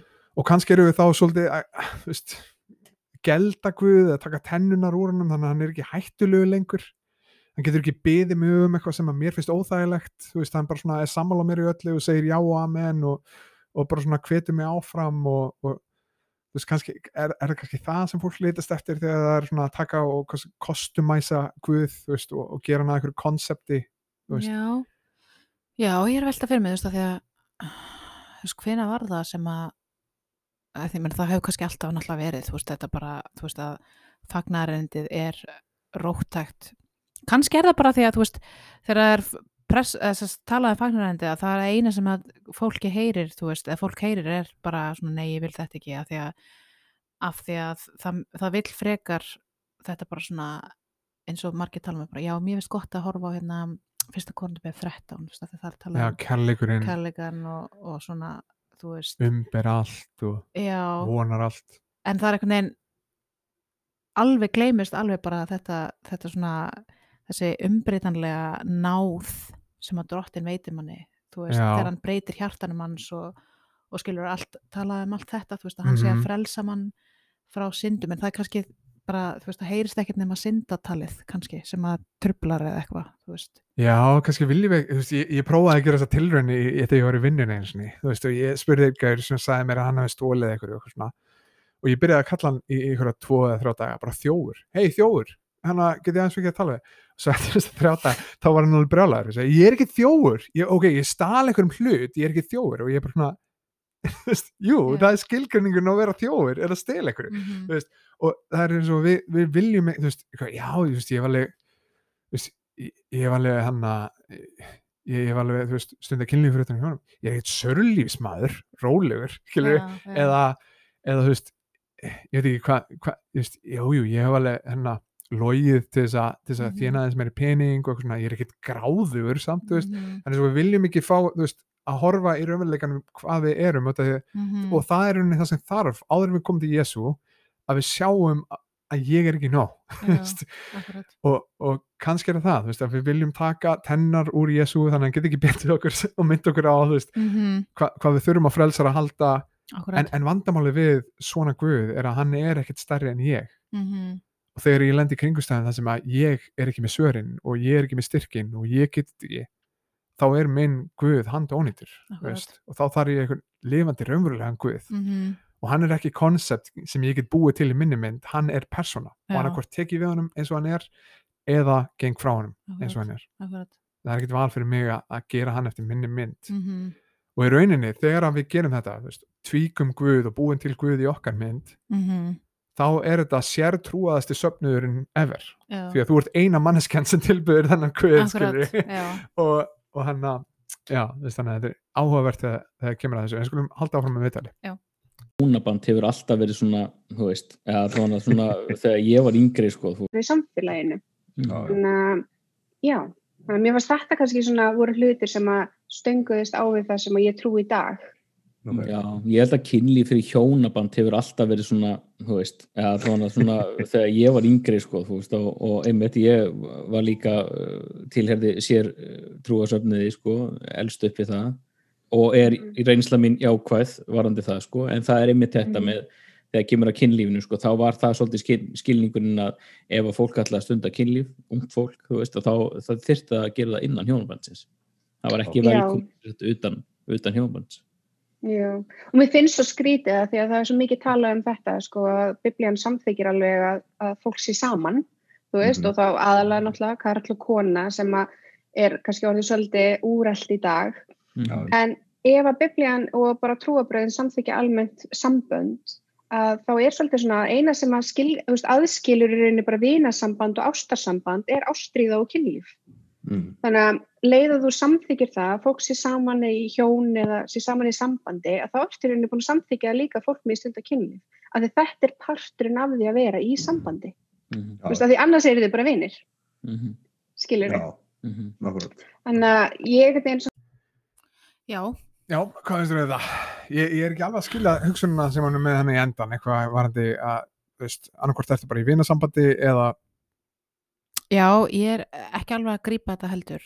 Um, en, ég er svona að reyna að skilja þetta eins. Það, Erum þá svona að segja að þú getur ekki í rauninni, ef, að- ef að biblan leifir fólki að vera í, þú veist, í, í að deyta þá eiguna að hoppa þá yfir í að, að leifa kynlíf eða, ég, já, ég held það allavega að sagðan, þú veist, að það er, þá á maður að gera ráð fyrir, þú veist, að ef, að, ef þú er samþykið að fólk sé saman, þá, þú veist, ætti það raun að mega stunda kynlíf af því að þetta er partur af því að vera saman í sambandi.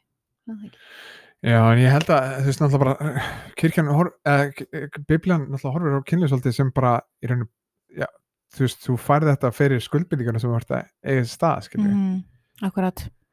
Ég held að við sé- séum líka að sjá þetta svolítið mikið kannski í dag líka varandi barnirnir og þú veist og hvernig þetta var í, í þú veist já þú veist, ég, ég pæli til dæmis í því varandi fóstureyðingar og annað þess þú veist, bara hversu mikið að því væri hversu mikið að því er að gerast út af því að við horfum á kynlíf sem basically þetta er eitthvað sem ég get notið og fengið leysingu frá og kannski eitthvað hormonaflæði og tímabunna nöytt en mér langar ekki neinar afleiðingar sem, sem kemur með þessu þú veist, en Já, það sem, það sem Biblan gerir er rauninni hún tengir kynlíf saman og, og, og í rauninni þegar, þegar við skuldbindum okkur tveir aðalar og fáum að njóta kynlíf saman þá veitum við líka ef að afleðingar koma sem eru sem eru, barn, sem eru indislegar afleðingar skilur við, Mhm. að þá erum við saman í að sjá um þetta barn og við ætlum að sjá fyrir þessu og við ætlum að ala þetta barn upp í trúnu og benda þeim á, á Jésu Krist og, og annað veist, þannig að Já.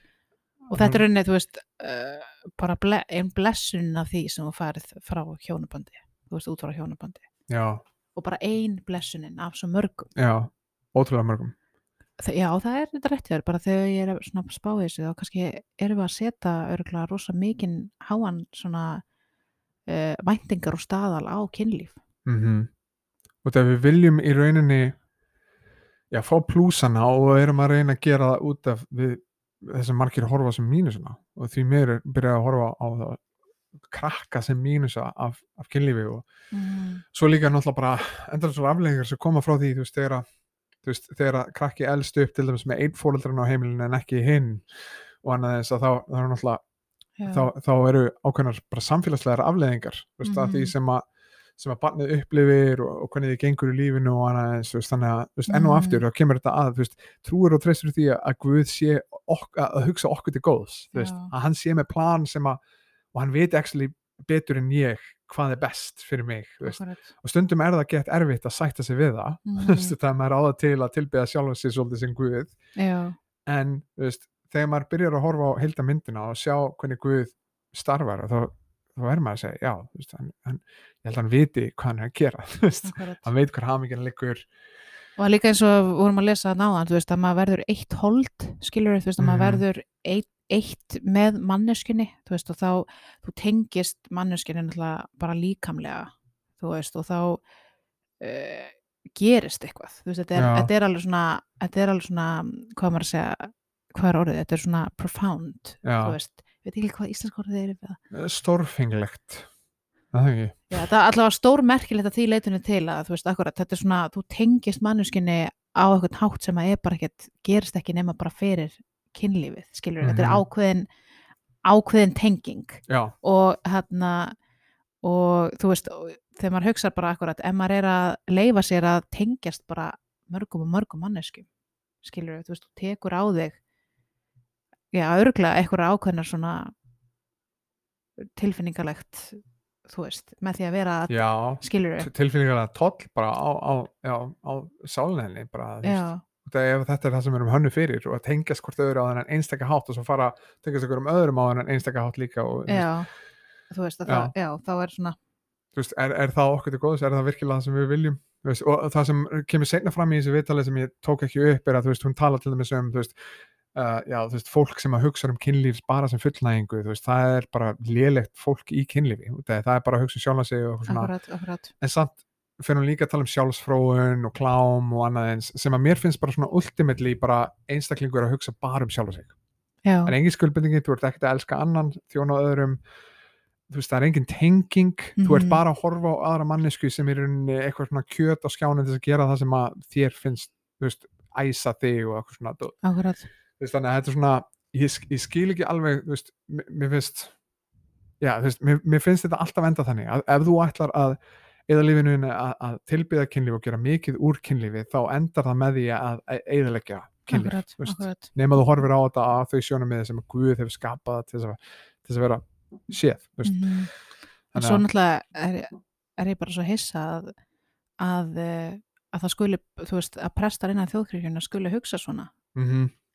um þetta Já, ég skil ekki þú veist, ég, ég er svo, já, svo erfitt með að skilja þjóðkirkjuna að svo mörguleiti veist, af hverju viltu vera prestur ef þú ætla bara ba- basically, veist, ok, þannig að það sem að við höfum séð gerast senustu áratví er að fólk hefur hægt að mæti í, í þjóðkirkjuna. Þú veist, að, að miklu leiti, það er alltaf Mhm. fermingabörn og svona sem að mörga þeim, veist, bara ég tala við mjög mikið þessu fólki eftir fermingu og þá er það bara, já, ég ger þetta bara fyrir peningana og svona, þú veist, þannig að það er einhverju svona fermingakrakka sem mæta en, en það er mjög mikið að tómum kirkjum út um allt land.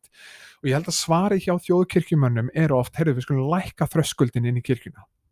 Þannig að við skulum bara hætta að standa fyrir allt sem að fólk er ósamala og eitthvað svona. Mm og, og þá kannski kemur það til okkar aftur, -hmm. en ég held að fólki í landinu sé alveg það gáfað að það skilji alveg að já, ef þú stendur ekki fyrir neitt og gerir ekki neitt, þú ert ekki neitt og þú hefur ekkert að bjóða sem Já. ég get ekki séð á óbru í sjónvarpinu eða horta á einhvern einstakleik á YouTube sem er svona motivational speaker mm þú veist, ef að þú stendur ekki fyrir neitt sérstakt ef þú ert Mhm. tilbúin að henda öllum bóðskapnum bara í burt, bara þess að reyna að koma einhverjum í, í sætin já, þá held ég að almenningur fatti alveg á bara ok, Mm. ég ætla bara frekar að vera heima að, hlusta á eitthvað podcast af einhverjum, þú veist já, Joe Rogan eða eitthvað slúðis frekar en að fara Akkurat. hlusta einhverjum prest sem á hvort er eftir að segja mér Mhm. örgulega bara svipað á Joe Rogan skilju ég skil ekki veist, af hverju gerast prestur ef þú ætlar ekki að kenna orgus veist, og það hræði mig svolítið veist, og það Jakobsbröfi segir gerist ekki margir kennarar því að þið munuð hljóta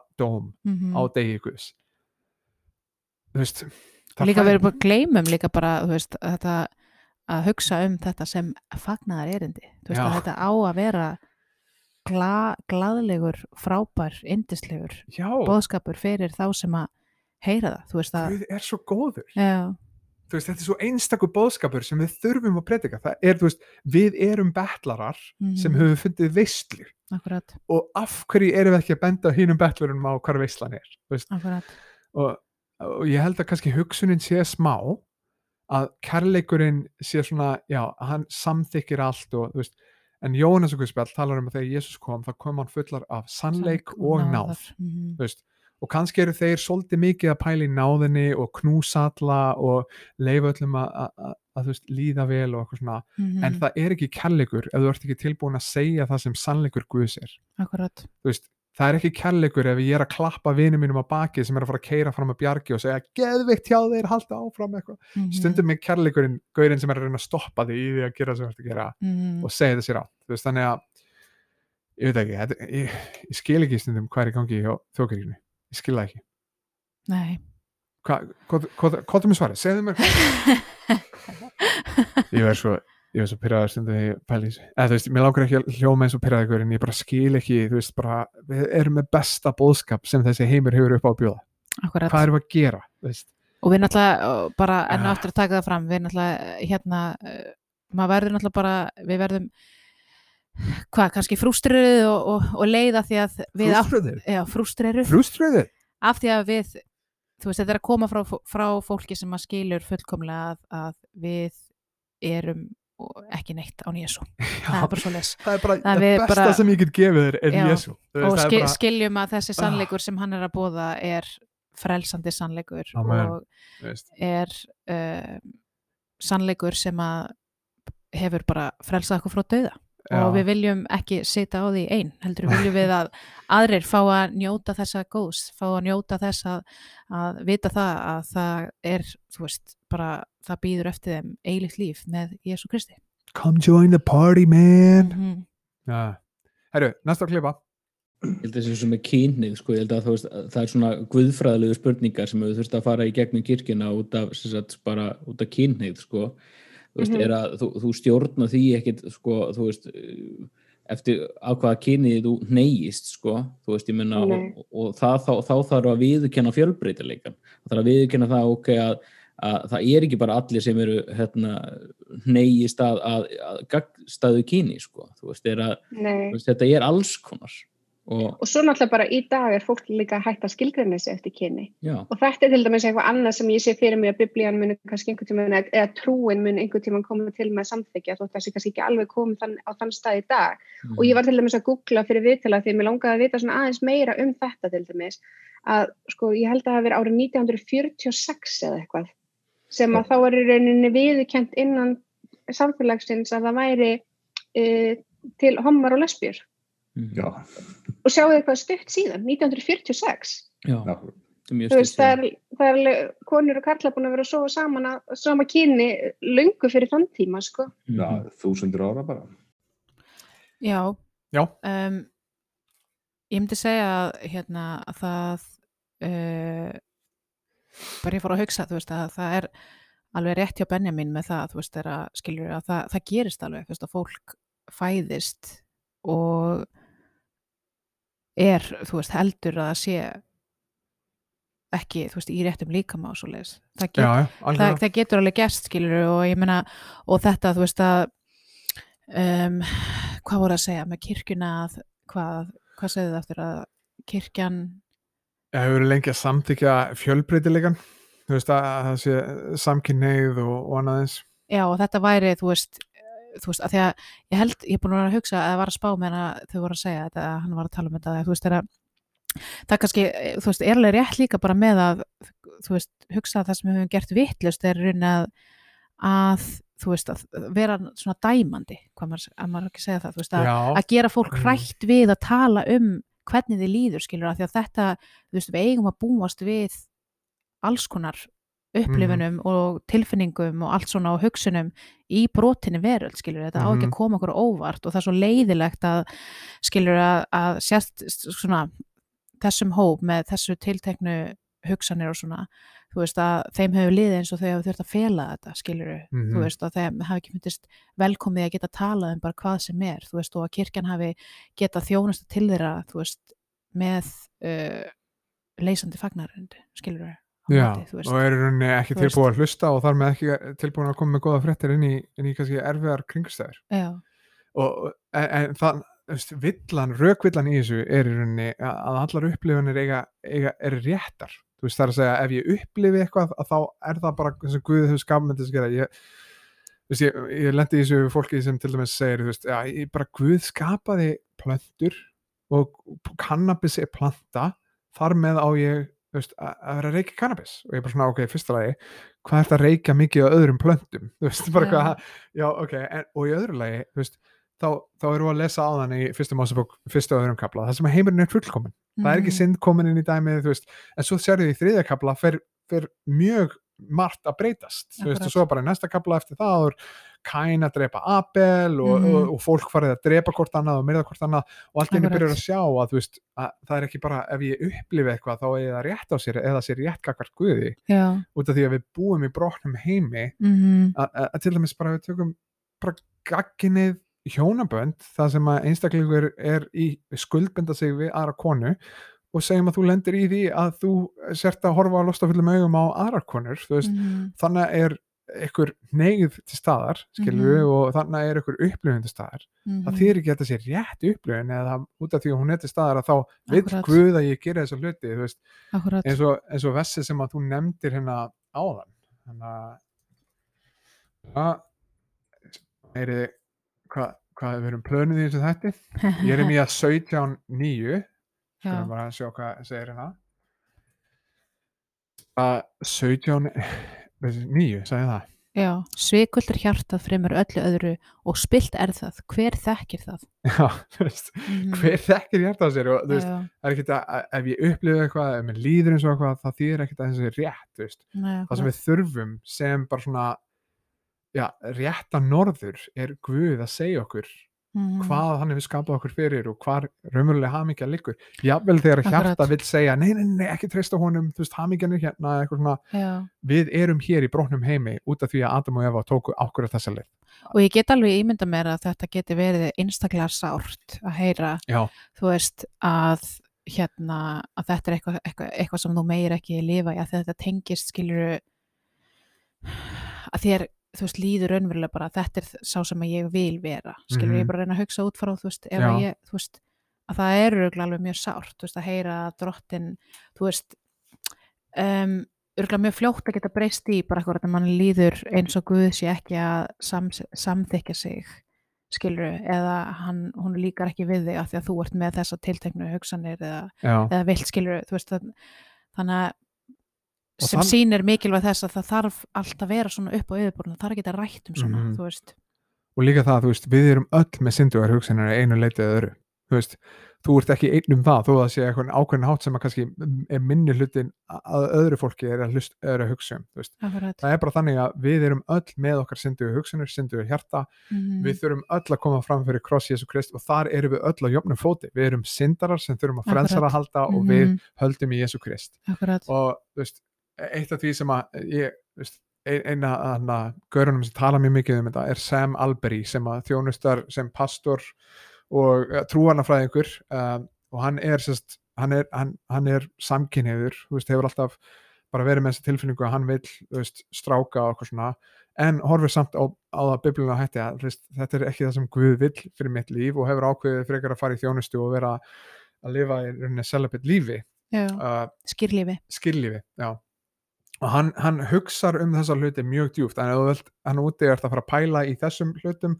Mæli ég mjög mikið að, lesa greinanar eftir Sam Alberry og, og bækunar sem að hann skrifaði. Til dæmis ein bókinni heitir Is God Anti-Gay og, og, hann, og hann er bara mjög djúpur hugsuður fer í þetta mjög fallega og, svona, já, þú veist ef þú ert að díla við þessa hugsanar núti bara, þú veist, það er engan veginn þannig að, að kirkjan eigi að vera að segja bara það er engin von fyrir þig og, eitthvað svona, þú veist, og veist, þannig að, já, veist, þetta er, ég skil að þetta getur mjög erfitt, skilur við en, en hann að fyrir mér er það bara veist, það er mjög mikið af kristinni trú sem hefur verið erfitt í gennum tíðina.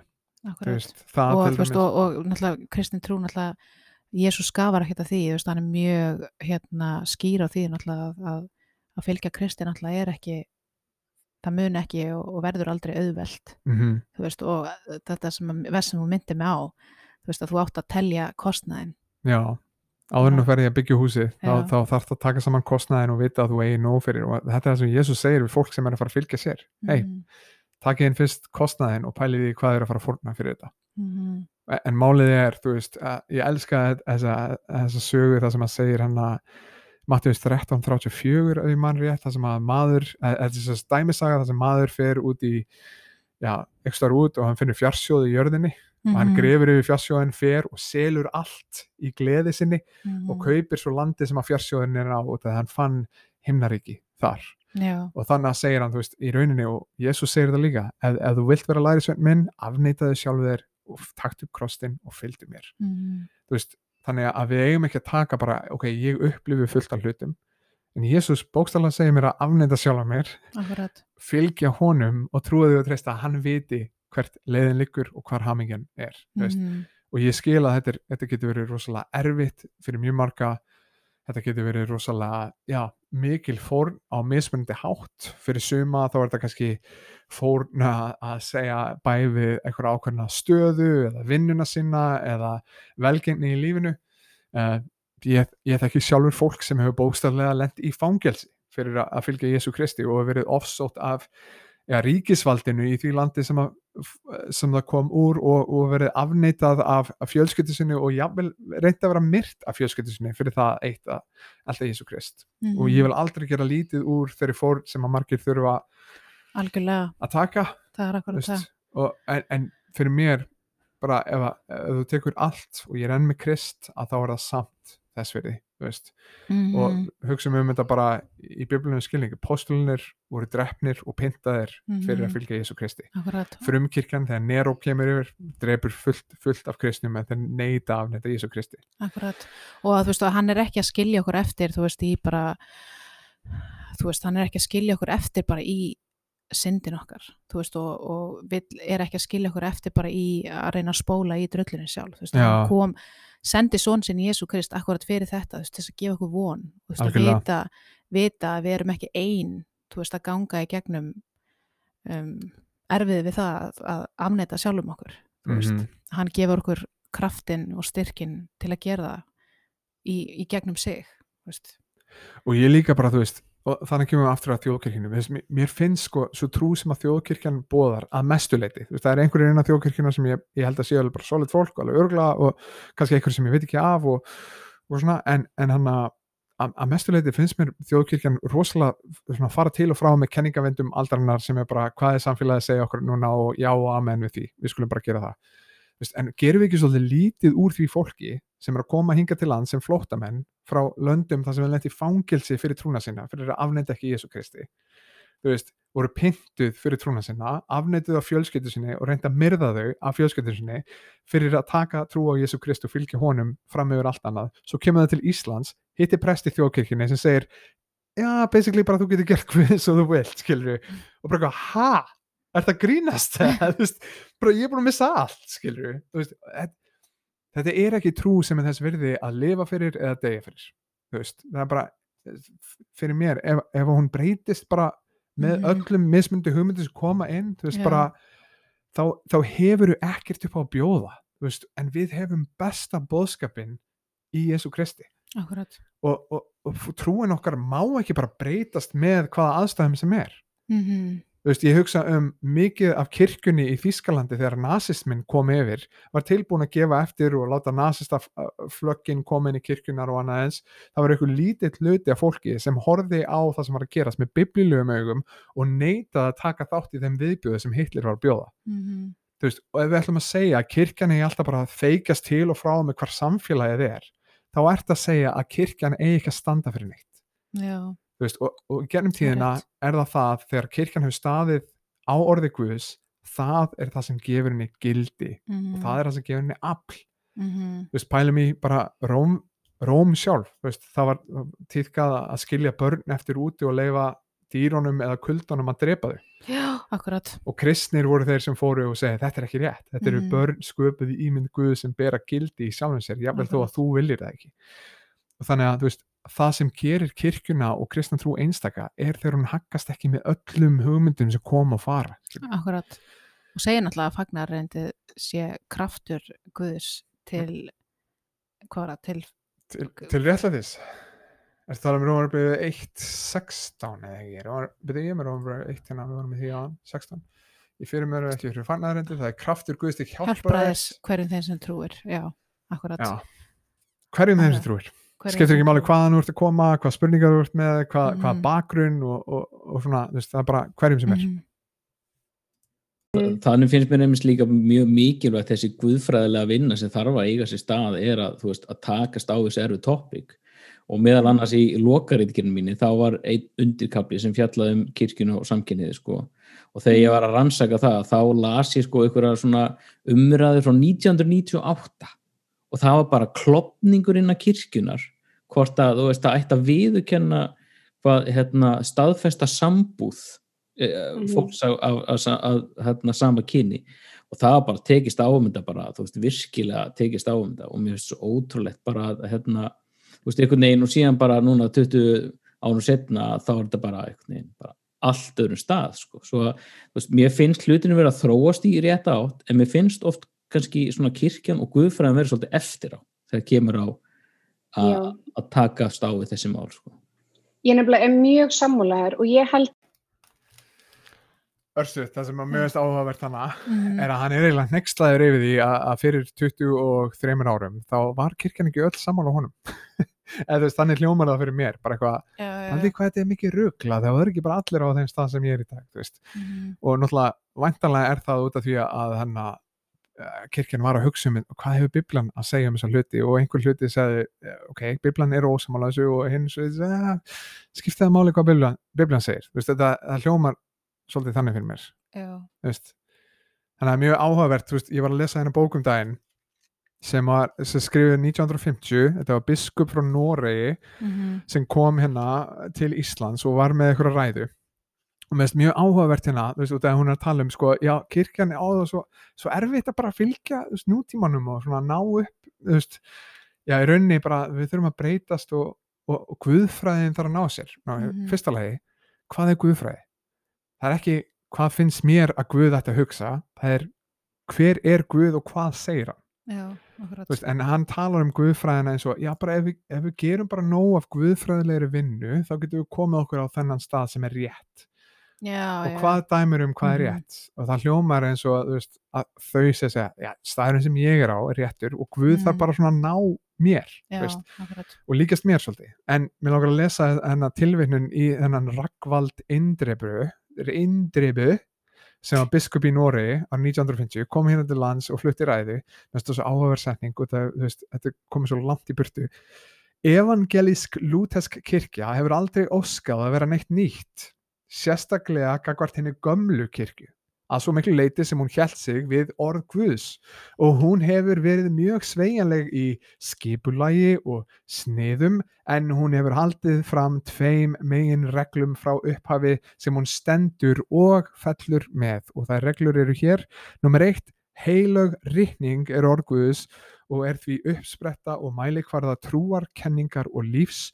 Nummer tvö, höfuð efni heilara reikningar er bóðskapurinn um réttlændingu af náð vegna krist fyrir trúna eina. Mhm. Þarna eru, þarna er hann að segja, kirkjan stendur og fellur með þessu já. og ég myndi segja bara hún er fall.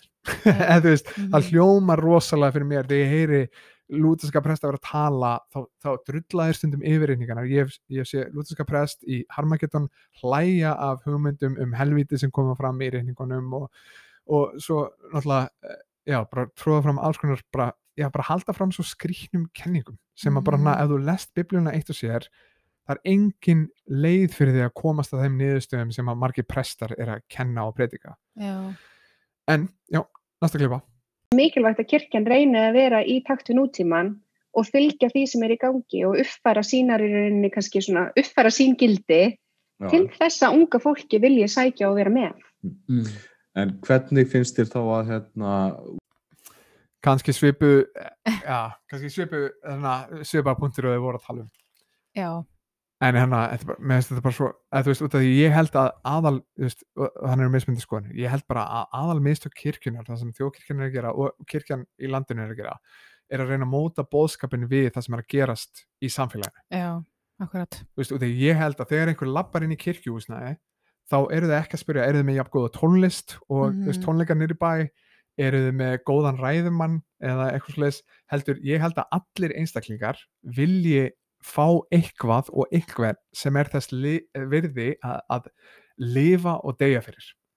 Já, og ég held að þegar fólk lappar inn í kirkju þá er það að búast við einhverju meiru en sérst í heiminum, mm mm. veist, einhverju sem er umfram eitthvað sem að þú veist, já, ok, það er alltaf breytast, þú veist, bara öll skilgreininga á orðum, tungumáli sjálf, þú veist, mhm, er eitthvað sem er stöðugt í þessu lífi, veist, og þá á kirkjan að segja, já, mhm. Guð er sá einn sami í gær og í dag og um alla eilíf, eða bara, þú veist, hvað er hvað gerist eftir í Já. spurningin og svona veist, og það sem við erum að gera er bara, við erum að saga greinina og við erum í rauninni að sá sæðum sem að verður að því að fólk horfir á kirkjuna og sér bara tilgangslust að stopnum sem að stendur ekki fyrir neitt, segir ekki neitt, gerir ekki neitt og hefur ekkert upp á að bjóða. Já, veist, akkurat. Veist, þetta er bara, ég held að sem alls ekki að gera okkur greiða veist, eins, eins mikið og mér þykir vænt um gerði veist, kannski er ég komin í svona, svona æstan tón hér að segja það, mér þykir mjög vænt um gerði og svona mjög ósamanlega í mörgu en hann að ég, ég held að við sem engan veginn að fara að finna svarið við því að, að reyna að móta kirkjuna meira samfélaginu. Og það er þú veist, horfa á samfélagi það er bara allt í ruggli, skilur það allir að rífast, allt brjálað. Æ, akkurat, við þurfum Jésu við þurfum Jésu stunda kynlíf, það er heilbrygt að stunda sjálfsfróun, það er, þú veist, það er eðlið bara að vera svolítið dipló þegar það kemur að þessu Mhm. og vera kannski ekkit endilega með einhverja rosa fræðslu en meira bara svona samþyggi, Já. bara svona, þú veist, það er heilbrygt að stunda kynlíf, það er heilbrygt að stunda sjálfsfróun, það er, þú veist, það er eðlilegt að þið, þú sért forvitin um þetta og fólk eigi ekki að upplifa skömm fyrir tilfinningar sem koma náttúrulega. Já.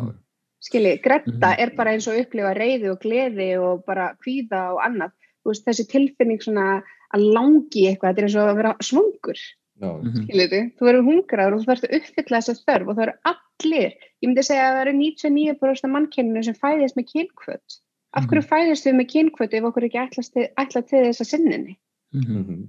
það er eins og við myndum fæðast með hérna matalist og við mættum ekki borða Mhm. þú veist, það er bara, það meikar ekki sens og það Já. er bara sannað að mann, manneskjan, hún þarf kynlíf til að halda e, bara svona hormónaflæðinu gangandi og Mhm. ef við ætlum að trúa því að Guð hafi skapað okkur að þá þurfum við líka að trúa því að hann skapaði okkur ástæði með kynkvöld og það var Mhm. ekki bara til þess að myndum bæla hana niður og skammast okkar fyrir hana Nei, nei.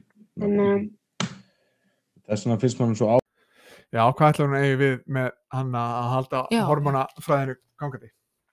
Já, það er góð spurning sko.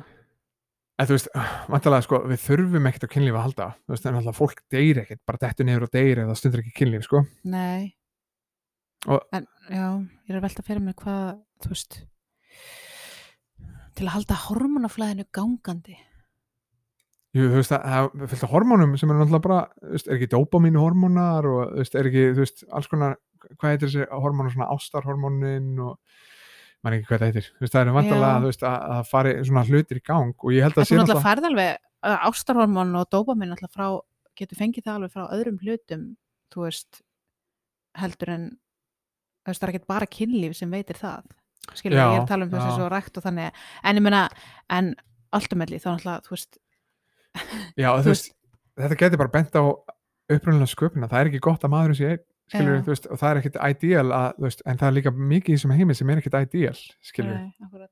þú veist, enn og aftur, ef við tökum þetta sem dæmi og segjum bara, veist, einhver myndi bara, já, þú veist, þetta er bara, þetta er bara holdt fyrir mig og, þú veist, ég á ekki að vera að segja nei við þessari löngun og segjum að þau eigi svo maka sem einhverjum ástæðum getur ekki stundu kynlíf um, um eitthvað tímaskeið og þú veist, allar að nota það sem réttlætingu já, bara, þú veist, já, ég er bara, þetta er bara það sem líka mér hann hafi fyrir og ég verð bara að fara að sofa hjá öðru fólki, við Já, af því að þú veist, ég meina að því að eins og segir, við getum alveg lifa án kynni sem að held ég gefu, myndi segja að gefa til kynna að það er ekki það mikilvægt fyrir hormonaflæðið að þú getur ekki vinnið án þess Já. skilurðu, þú veist En svo nefnir hún hann að gretta, bara þetta er eins og aðra tilfinningar, bara eins og reyði og veist, hungur og annað eins og Mhm, við þurfum mhm. náttúrulega að segja þessu. En þannig myndi ég segja, veist, en, en það eru ákveðna leiðir til að segja þessu rétt. Já, Til dæmis, akkurat, þú ert reyður, beina- það fara ekki bara að lemja fólk í kringu skilur Mhm, mhm. þá, þá þarf þetta að díla við það á réttan hátt, skilur það er ekki bara eitthvað að uppfylla bara einhvern megin þessari þrá sem þú ert komið með. Nei, og ég meina, ég er alveg sammálan, ég var sammálan í því, þú veist, að hún sagði, þú veist, að vera að rauninni upplifa ekki skömm, þú veist, að, að, að þú skulur finna fyrir, þú veist, komur að segja, að það, ekki, það er ekki skammalegt þú sért með þessar tilfinningar, þú veist, að því að Guð skapaði þessa tilfinningu í löngun í kynlíf. Að vilja nánd og... og Já, já, já, veist, þetta er ekki, þetta er ekki skammalegt, veist, og það, og enn og aftur bara, þess vegna þarf ætti, þú veist, væri svo gott að kirkjan sta, staði sig vel í því að, að vera að tala um þessa hluta, því að, þú veist, Mhm. fólk get, þarf að geta að tala um þetta, því að maður þarf þá að geta bent þeim, þú veist, í réttan hugsunhátt, skilur, þess vegna að tala um, Já, og, og þú veist, við þurfum í rauninni, þú veist, að þetta kemur svona ákveðin skömm kannski þegar maður byrjar að, að þú veist, fara á móti því sem okkur sem við sagt, þú veist, eins og bara að hann að gyrnast konun áangað eins eða, eða eitthvað annað, skilur og þannig að, en, en við, þú veist Já, en skömmin alltaf kemur líka þá af því að þú, þú veist, af því að þú ert, þú eru ekki að tala um það, skilur, þú veist, af því að,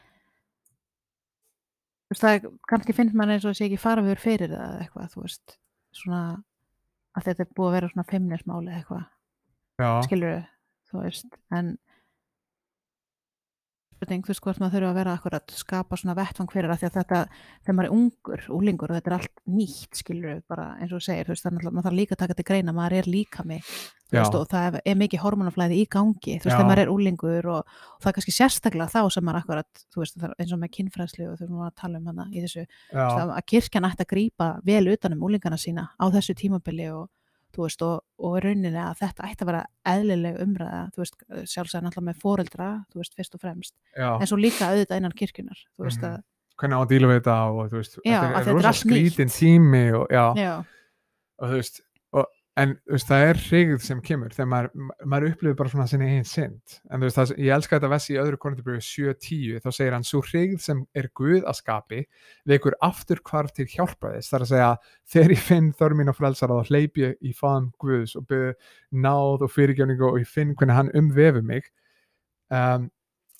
sem engan yðrar en hrigð heimsins veldur dauða. Veist, þannig að veist, það er þessi hrigð sem maður upplifir og ef maður hleypur ekki faðum Krist þá leiðir það til dauða og þú veist, vonin er í Jésu Kristi þú veist, Mhm. þú veist, við þurfum að hlaupa með þegar við feilum, þegar við dettum þá er það hann sem þarf að grípa okkur þú veist, Já. en hann að, og það er, þú veist þetta, einmitt, þessi bóðskapur sem við höfum sem við erum svo mikið, svo fljóta að sleppa, skilur við, af hverju af hverju en, haldum áfram Til ég.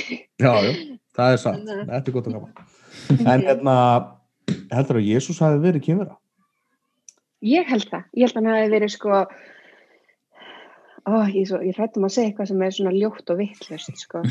En hérna, nei, að sjálfsögðu, ég held að til þess að geta sínt kærleik að þá þarftu líka að þykja kærleik og kærleikur getur verið í góðverkum eða það getur verið í svona ást og umhyggju, líkamlegri snertingu og fleira og ég held að já, við 99% af okkur eru kynverur og ég held að Jésús hafi svo sjálfsögðu verið kynvera líka. Ég En- held að Marja Magdalena hafi nú verið eitthvað meir en vinur sko Það held ég líka. Það gerist ekkit sjálfkrafa sko. Svo var náttúrulega Anna, Anna Larisveit þarna sem hann elskaði eitthvað umfram aðra. Nákvæm, og svo er þetta einmitt, já, svo er þetta með líka hlutinir að þú veist, það er hægt að lesa biblíuna á svo marga vegu. Ef þú ætlar að hlusta eða þú ætlar að lesa hana og einmitt,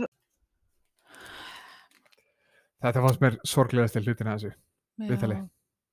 Þú veist því að það, það sem minnast áhugavert hana ok, Gerður er sérst, eigandi að kynlýsvestlun held ég st- st- stærstu í Evrópu eða eitthvað svoleiðis Mhm. og hún er, hún er það sem minnst áhugavert, ok, þannig að segir við viljum að kirkjan sé betri í að tala um kynlíf og þau taka sérfræðing sem er ekki í kirkjunni og tala ekki um biblíuna eða neitt þannig, heldur taka gerði og það sem minnst áhugavert hana er að hún svona eins og sé að segja að passa sig í byrjun svona, Já. að, þú veist ég er svo hættum að segja eitthvað sem er svona rátt og þú veist, sem ég myndi bara veist, svo, svo eru prestanir tveir Já. að svona draga hana inn í þetta þú veist, ég er bara þetta, Mhm. þetta er bara sorglegasta af þessu öllu fyrir mér er þessi klippa þú veist. Já, akkurat.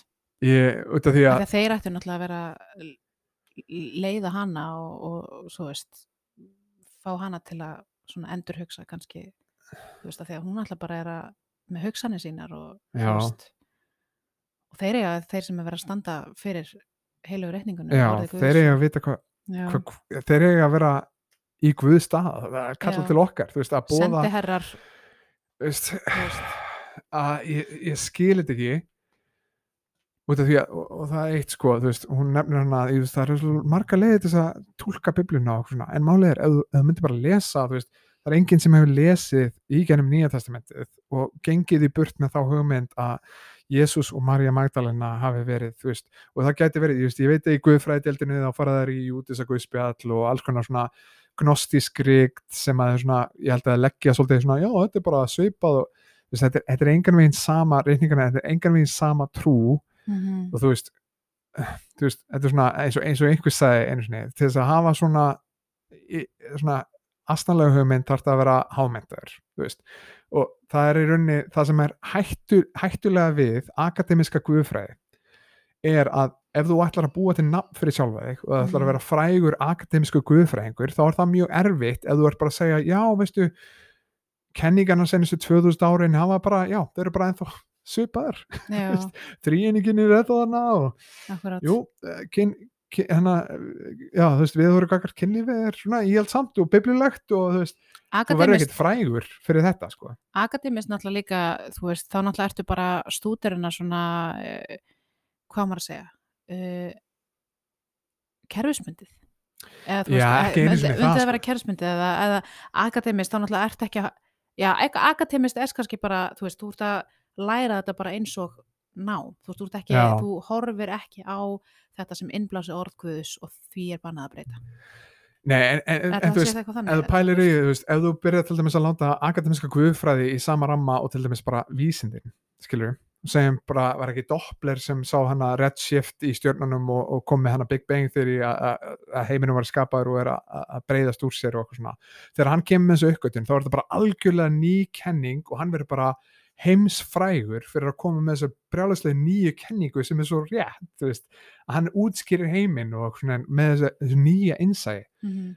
nú ert þú guðfræðingur sem er með 2000 ára gamla trú og kenningarnar eru bara eins og þær voru í gær og eins og þær voru fyrir 100 árum skilur Mhm. Jú, það kemur eitthvað eins og mótmælin, þú veist, fyrir 500 árum þegar Martin Luther og John Calvin og, og Zwingli og þeir komu og mótmæltu káðsku kirkjunni og, en þá var það bara basically út af káðsku kirkjan var farin svo langt frá reikningunum Mhm.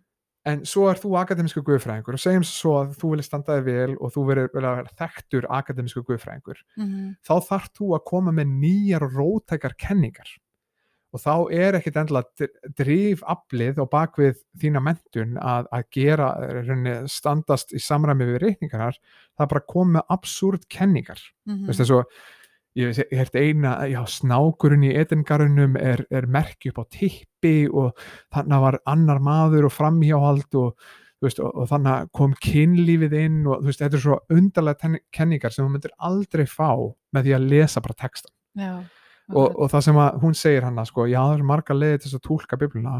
Málið er að þú, þú þarft að vera sko orðin hámentaður guðfræðingur til þess að vera komin í svona absúrt kenningar eins og Marja Magdalena og, og, og, og Jésús og allt það, þú veist, ég vil ekki vera krassandi en eitthvað svona, þú veist, fyrir mér er þetta bara svo þetta er svo asnalegt. Bara þetta er svo þetta, þetta er svo sorglegt og asnalegt veist, og hann og, enn og eftir, ég ég býst ekki við að gerður eigi að vera eitthvað guðfræðingur hérna og vita ekki að mikið um vöfluna, en ég býst við því að prestunum. Já, og hún er að fara varlega heldur en þeir. Já, og svo náttúrulega kemur það fram líka já, þú veist, já, svo er það lærisveitnin veist, Jóhannes sem að hann Mhm. elskaði og þú veist, enn og eftir, bara þarf allt að fara kynferðislegt, come on getur ekki verið eitthvað sem þú elskar sem er bara ekki kynferðislegt þú veist, það er hægt. Já, Eh, prófið það veist, bara, það, það er ótrúlega auðvelt að elska fólk þó það sé ekki að, að það snúast um kynlíf. Mhm. og kynlíf frá biblíu sjónamiði er synd. Hornsteinn trúar okkar er að Jésús lifði henni fullkomna lífi og þar með dó hann sem hefði syndlausa lamp þar að segja hann gætt dáið ekki fyrir sína synd heldur fyrir mína, fyrir okkar Já, Likil atriði trúar okkar er að Jésús sé syndlaus fórn í okkar stað. Þar með getur hann greitt mína skuld og er ekki að deyja fyrir sína synd. mhm. Laun syndarinnar er dauði, þess vegna er dauði allstaðar í kringum okkur, þess vegna mun ég deyja, allir í kringum um mun deyja. 99,9% af fólki hefur dáið hingað til nema þessi einn, hann er Jésús sem reysir frá döðum. Mhm. Hann þarf að vera hinn syndlausa fórn. Það er hortsteitt trúarinnar og að heyra þess að presta svona að djóka með þetta þú veist, enn og eftir, ég minnist þennan biskupin í Noregi, þú veist, og ég hugsa bara, ok ef að kirkjan stendur og fellur með orði Guðs, Mhm. fyrir mér er það bara er hún ekki bara fallin Já. er einhver tilgangur að halda áfram Mhm. ah, þetta getur kveikt í mér en ég vona að ég sé ekki að vera og brjálaður og svona, svona ástriðu fullur veist, ég, ég, Ég minna alltaf að vera ástriðufullur um þetta en þú, þú, þú, þú ert ekkert Já. brjálæður þetta er náttúrulega, þetta er, þetta er þess og að strákar, ég vil ekki móðka ykkur mín voni ef þau eru að hlusta á þetta yðristi, snúið ykkur aftur af biblinni, hætti í þessum absúrt kenningum og, og fylgið í þessu krist afnendið sjálfan ykkur, takið upp krossikar það, það, er, það er þess virði að gefa allt fyrir Jésu, hann er þess virði Amen. Mhm. það er ekki einstaklinga Mhm. Og hérna og sko sem að Guð er bara ekki nefndur. Það eru ljóðaljóðin. Langar öllum til að gera sko. Já, en það er hérna þá komum við vantalega að sko einu bókinni í hérna í biblíunni sem að Guð er bara ekki nefndur. Það eru ljóðaljóðin. Það, þau lýsa náttúrulega mjög erotísku sambandi. Mhm. það er ekki einstaklinga. Mhm. Og hérna og sko nú hafa svona menn í gegnum tíðina verið að reyna að setja þetta á sem sagt Kristur er brúðguminn og söfnuðurinn eða kirkjan sem sagt uh, brúðurinn og okkur svona. Ég held að menn séu bara svolítið að villugut þar sko. Þetta er einhver svona held til þess að afsaka þetta. Þetta, Þetta var bara eitthvað fokkfest og var ókslega gaman í öllum. Já, ég held það.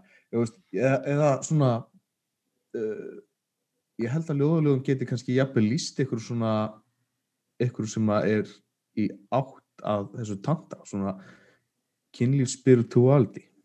Mm Sko, nú hef ég ekki lesið þetta, þannig ég veit ekki nákvæmlega, en ég las þarna fyrstu blaðsíðuna úr þessu því þú benti mér á þetta Já, og þá er mitt bara fyrsta blaðsíðan er strax bara eitthvað, ó, hann kist hana og þú veist, alls konar, þannig að þetta er greinilega erotísk saga. Ég sé fyrir mér einhvern veginn að Jésús hefði bara verið eitthvað big boss og hann var bara, nei, nei, nei, ég ætla ekki editaði mig út úr þessum kabla, uh, nota eitthvað annað orð, ég ætla ekki að vera hérna bendlaður við eitthvað svona erotist að ég held að, veist, það er bara verið fordómar fyrir þessu, þetta er bara eitthvað sem þú gerir í þínu prívat lífi og þann hafi ekki viljað láta skrifa neitt svona um sig. Og ég er ekki að segja það að þetta hafi endilega verið hann, en ég bara, veist, ég trúi því að þegar þetta er allt sem hann er skrifað þá hefur hann verið að reyna að láta hann líti út sem er ég- samt svo ógeðslega ljótt að hugsa til Vá, ég er að grípa þess allt þetta. Já, hún er náttúrulega en á eftir, hún er náttúrulega gerður er, hún er kynlífs uh, hvað er þetta, kynlífs hann að tækja, hún, hún bara leikur eða þú veist, reikur kynlífstækja vestlun, Já. þannig að ég er ekkert búist við endilega eitthvað hann að Nei, ég er bara að reyna að grípa bara melta aðeins svona. minnst áhugavert þegar þeir segja nummer eitt sko, náttúrulega Guð er ekki nefndur í Esterabók líka, Akkurat. en, en eins og í Esterabók þá sjáum við að hönd Guðs er yfir bókinni allri, að, að, þannig að Mm. þótt að hann sé ekki nefndur á nafn að þá sjáum við að það sem er að gerast í Esterabók er að Guð er að nota konunga og vinna í gennum mannkynsöguna og þó að hann sé ekki nefndur á nafn þá sést hann akkurat. og enn og aftur þannig kannski komið að hugmyndinni það sem að við höldum að, að Biblian horfi á kynlíf sem einhvern neikvæðan hlut sem er bara alls ekki máli ljóðu ljóðin fagnar kynlífi Já. þannig að, Nefndu þau, voru það að tala um að ljóðaljóðin það fór fram hjá mér. já þetta væri erotísk bók þú veist basically sem að svona, að, svona hljóma eins og svona já og það er alveg þannig, sumir eru með þessar kenningar að þetta snýst bara um Jésu og kirkuna bara hvernig Jésús elskaði kirkuna og hann Já, er brúkuminn og hún er brúðurinn og svona. Ég held að það sérst bara að horfa svolítið fram hjá jú, eins og, eins og ég segi, bara raunverulega ást bendir alltaf á Jésu og þú veist, Já, hann er ultimate fordæma okkar fyrir hvernig ást lítur út Mhm. en, uh, en þetta er líka bara að fagna kynlífi þetta Guð gaf okkur kynlíf sem Akkurat. góða gjöf Akkurat. en náttúrulega það bjagast alltaf brenglast þegar við byrjum að tilbyða sko, og lifa fyrir það eins og það sé bara uppspretta vonarinnar Mhm. Akkurat. þá fyrir nauknin úr því fljótt sem er Mhm. svona kaltænislegt Já. sad stund. En er þetta ekki, þú veist, hérna um, hvað var hann að tala um hann að hvað var hann að segja þarna strákurinn? Eitthvað með sagt, oh, það var eins og tantra eitthvað. Já, já, já, bara þessar vangaveltur sem var með. Er þetta ekki, þú veist, kynlífs spirituality já.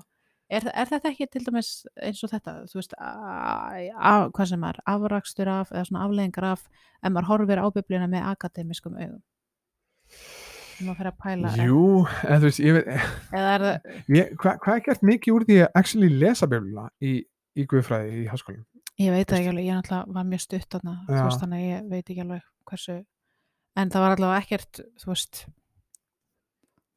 og það er náttúrulega, veist, eins, og, eins og þú nefndir vesið á hann sem var uh, hvað sem við etum með, drekkum með, hvað sem við gerum gerum allt Guði til dýrðar. Mm þú veist, og hann nefnir hann að, já, þetta er minni með svona á tantra, svona eitthvað kynlífs spirituality en frá biblilegu sjónamiði þá er ekki, veist þá er ekki greinamunur á eitthvað sem, sem líkamlegt og, og, og líka lofgjörð, Mhm. við getum unnið Guði til dýrar, við getum borðað Guði til dýrar, drukkið Guði til dýrar við getum gert allt sem við gerum á að vera Guði til dýrar veist, í Rómarbyrðu 12 það segir því brýniðu bræður finna miskuna Guðs, bjóði fram sjálfan ykkur að lifandi, heilagri Guði þóknarlegri form, það er sönn og rétt Guðstyrkuna af ykkar hendi. Hefðu ykkur ekki eftir öldasari, heldur takið háttaskipti með endur nýjum kugufassis svo að þér fáðu að reyna hver sé vilji Guðs er góða, fagra og fullkomna. Þannig að hann er að segja að lofgjörð okkar brýst út í hvernig við lifum okkar daglega lífi. Lofgjörð okkar er ekki bara haldið við sunnudagana okkur um ákveðin tíma eitthvað svoleiðis, heldur er lofgjörð okkar stanslust og þannig að við getum meðal annars notið kynlífs og, og lofa Guð og þakka Guði fyrir gjöfuna sem kynlíf er.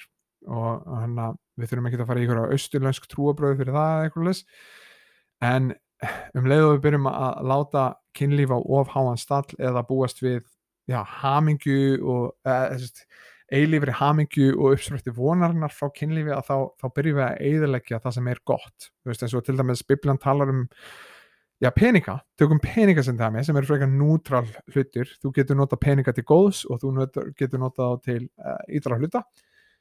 Og Biblian talar um það að elska ekki peninga því að þegar við byrjum að elska peninga þá er það rót allskins íls, það er ekki að peningan í sjálfu séu íllir heldur þegar við byrjum að tilbyðja peninga, lifa fyrir peningana þá verða þær illir. Og þannig að þú veist, fyrir mér er það bara við verðum að læra þetta Mhm. að, að vita að það er engin munur greinamunur á hvað ég gerir með líkamum mínum og hvað er andlegt eða ekki eða tilbæsla til Guðs. Hvernig við elskum krakkan okkar, makan okkar Já, er allt tilbæsla og, og lofgjörð okkar til Guðs. Akkurat, lifa því sem hann segði okkur að gera. Akkurat. þannig að við þurfum ekki að fara að bendla ykkur um austurlenskum trúabröðum í þetta. Bara þetta Já, sem Bibla segir. já, að því að við erum andi. Ég tala um þetta út frá því eða? Já, þú veist það, það, það, einmitt, þetta er svona hugsun sem kemur oft ég hef heyrt þetta rosalega oft frá kristnum já, þú ert andi en þú ert bara með líkama svona að láni í rauninni. En ef þú lest sköpunarsöguna frá byrjun Mósebók, fyrsta og annan kapla mm þá skapaði hann okkur með anda uh, sál og líkama þú veist. -hmm. hann skapaði okkur fyrir bæði veist, og, og þegar við byrjum að nota líkama okkar til að gera ítla hluti að, þá veist, skiptir ekki máli hvað við segjum með förum okkar þú getur sagt ég elska Jésús en ef þú ert að fara og myrða fólk eða eitthvað svona, Mhm. þá er það greinilega saman um hvað hann segir um hvernig þú er að lifa lífinu Já. kristna lífið snýst um að láta hug okkar lofa Guð, láta hjart okkar elska Guð og nota hendur okkar til þess að þjóna Guði Mhm. og þannig að við þurfum að horfa á lofgjörð og trú okkar með þessu heilræna hugfari já, já, bara tala um að þú veist að tala um, þú veist, þetta er ekki aðskilið þú veist, en þá er það, já, já, þú veist, að því að við erum andi og það er náttúrulega uh, ósælrátt verður þetta andlegt mm andlegt líka, Já, já, já. það, skilur sorry, ég miskildi algjörlega, hún fór bara að tala um eitthvað En já, eitthvað sem þú segja að lokum, þetta er orðið svolítið langur þáttir, hvað eru við komin, við erum komin í sko klukkutíma, einna halvan Nei, klukkutíma og Einn- 50 myndir eitthvað þegar þetta er búið. já, akkurat um, Sko, ef ykkur hlustaði hingað, að það bara getur hashtag winner. Bara, en bara líka bara, bara við viljum alltaf að, hérna, að það sé alveg skýrt að þetta er allt gert með hérna náð já, og sannleik Og kærleika, þú veist, Og eh, kærleika, fyrir mér er bara, kærleika. það er ekkert betra í þessu lífi heldur en Mhm. Jésu. Það sem ég væri helst til í, bara, væri bara að þú myndir taka við Jésu og fá að upplifa það eilífu von sem er í Jésu. algjörlega og það er bara svo mikil gleði og þannig að og mín voni er að, að bara þú myndir fylgja honum og átta þig á að sama hvað það kostar að fylgja honum sama hvað, hvað breytingar þurfa að eiga sér stað og eitthvað svona, þá er það Mhm. alltaf þess verði hann er alltaf þess verði hann er alltaf þess verði og hann að bara, þú veist, stundum er kærleikurinn kærleikurinn, hann, hann, hann stendur með sannleikunum, mm þú veist það er ekki bara að hann umber allt og, og vonar allt hann stendur líka með sannleikunum eins og kemur fram í fyrsta kornatabröfu 13. kapla akkurat. Og stundum er það kærleikurinn að segja heyrðu, þetta er ekki alveg rétt hugsunarhátt réttur hugsunarháttur heldur er betri leið. Akkurat. Og ég að þú veist, við náttúrulega sjálfsögðu viljum að, að hérna uh, við erum að gera þetta til þess að akkurat fá fólk til að hugsa um þetta og, og, og sjálfsögðu taka við fagnærendinu og telja kostnaðin og sjá að það er þess virði en ég að ef að þú vitum að náttúrulega það er ekki allir sem að munu taka við því. Nei, en við elskum ykkur samt. Já, og hann að ég, þú veist, líka bara með gerði til dæmis, ég veit að hún er bara þannig típa hún, hún, hún veit að þó í sér ósamalni þá mm þykir mér ótrúlega vænt um hana og ég, veist, ég fíla rosalega þannig fólk. Þannig að þú ert að hlusta hana og ert algjörlega ósamalni bara hvaða fáiðar er ég að hlusta á okkur núna? Að hana, þá vona ég að við getum allavega átt spjall og ég get útskýrt fyrir af hverju þú hefur átt fyrir þér hann að bara þetta kemur allt frá kjærleika og, og hann að bara takka aðeinslega fyrir að hlusta. Já, takk hérlega fyrir bara kunnum við með það. Yes, ég held að það sé bara búið. Já. bara bing, bara búm, bara búið. Herru, guð bless ykkur og varviti og verið með. Látið sína ásjónu lýsa yfir ykkur og veit ykkur frið. Amen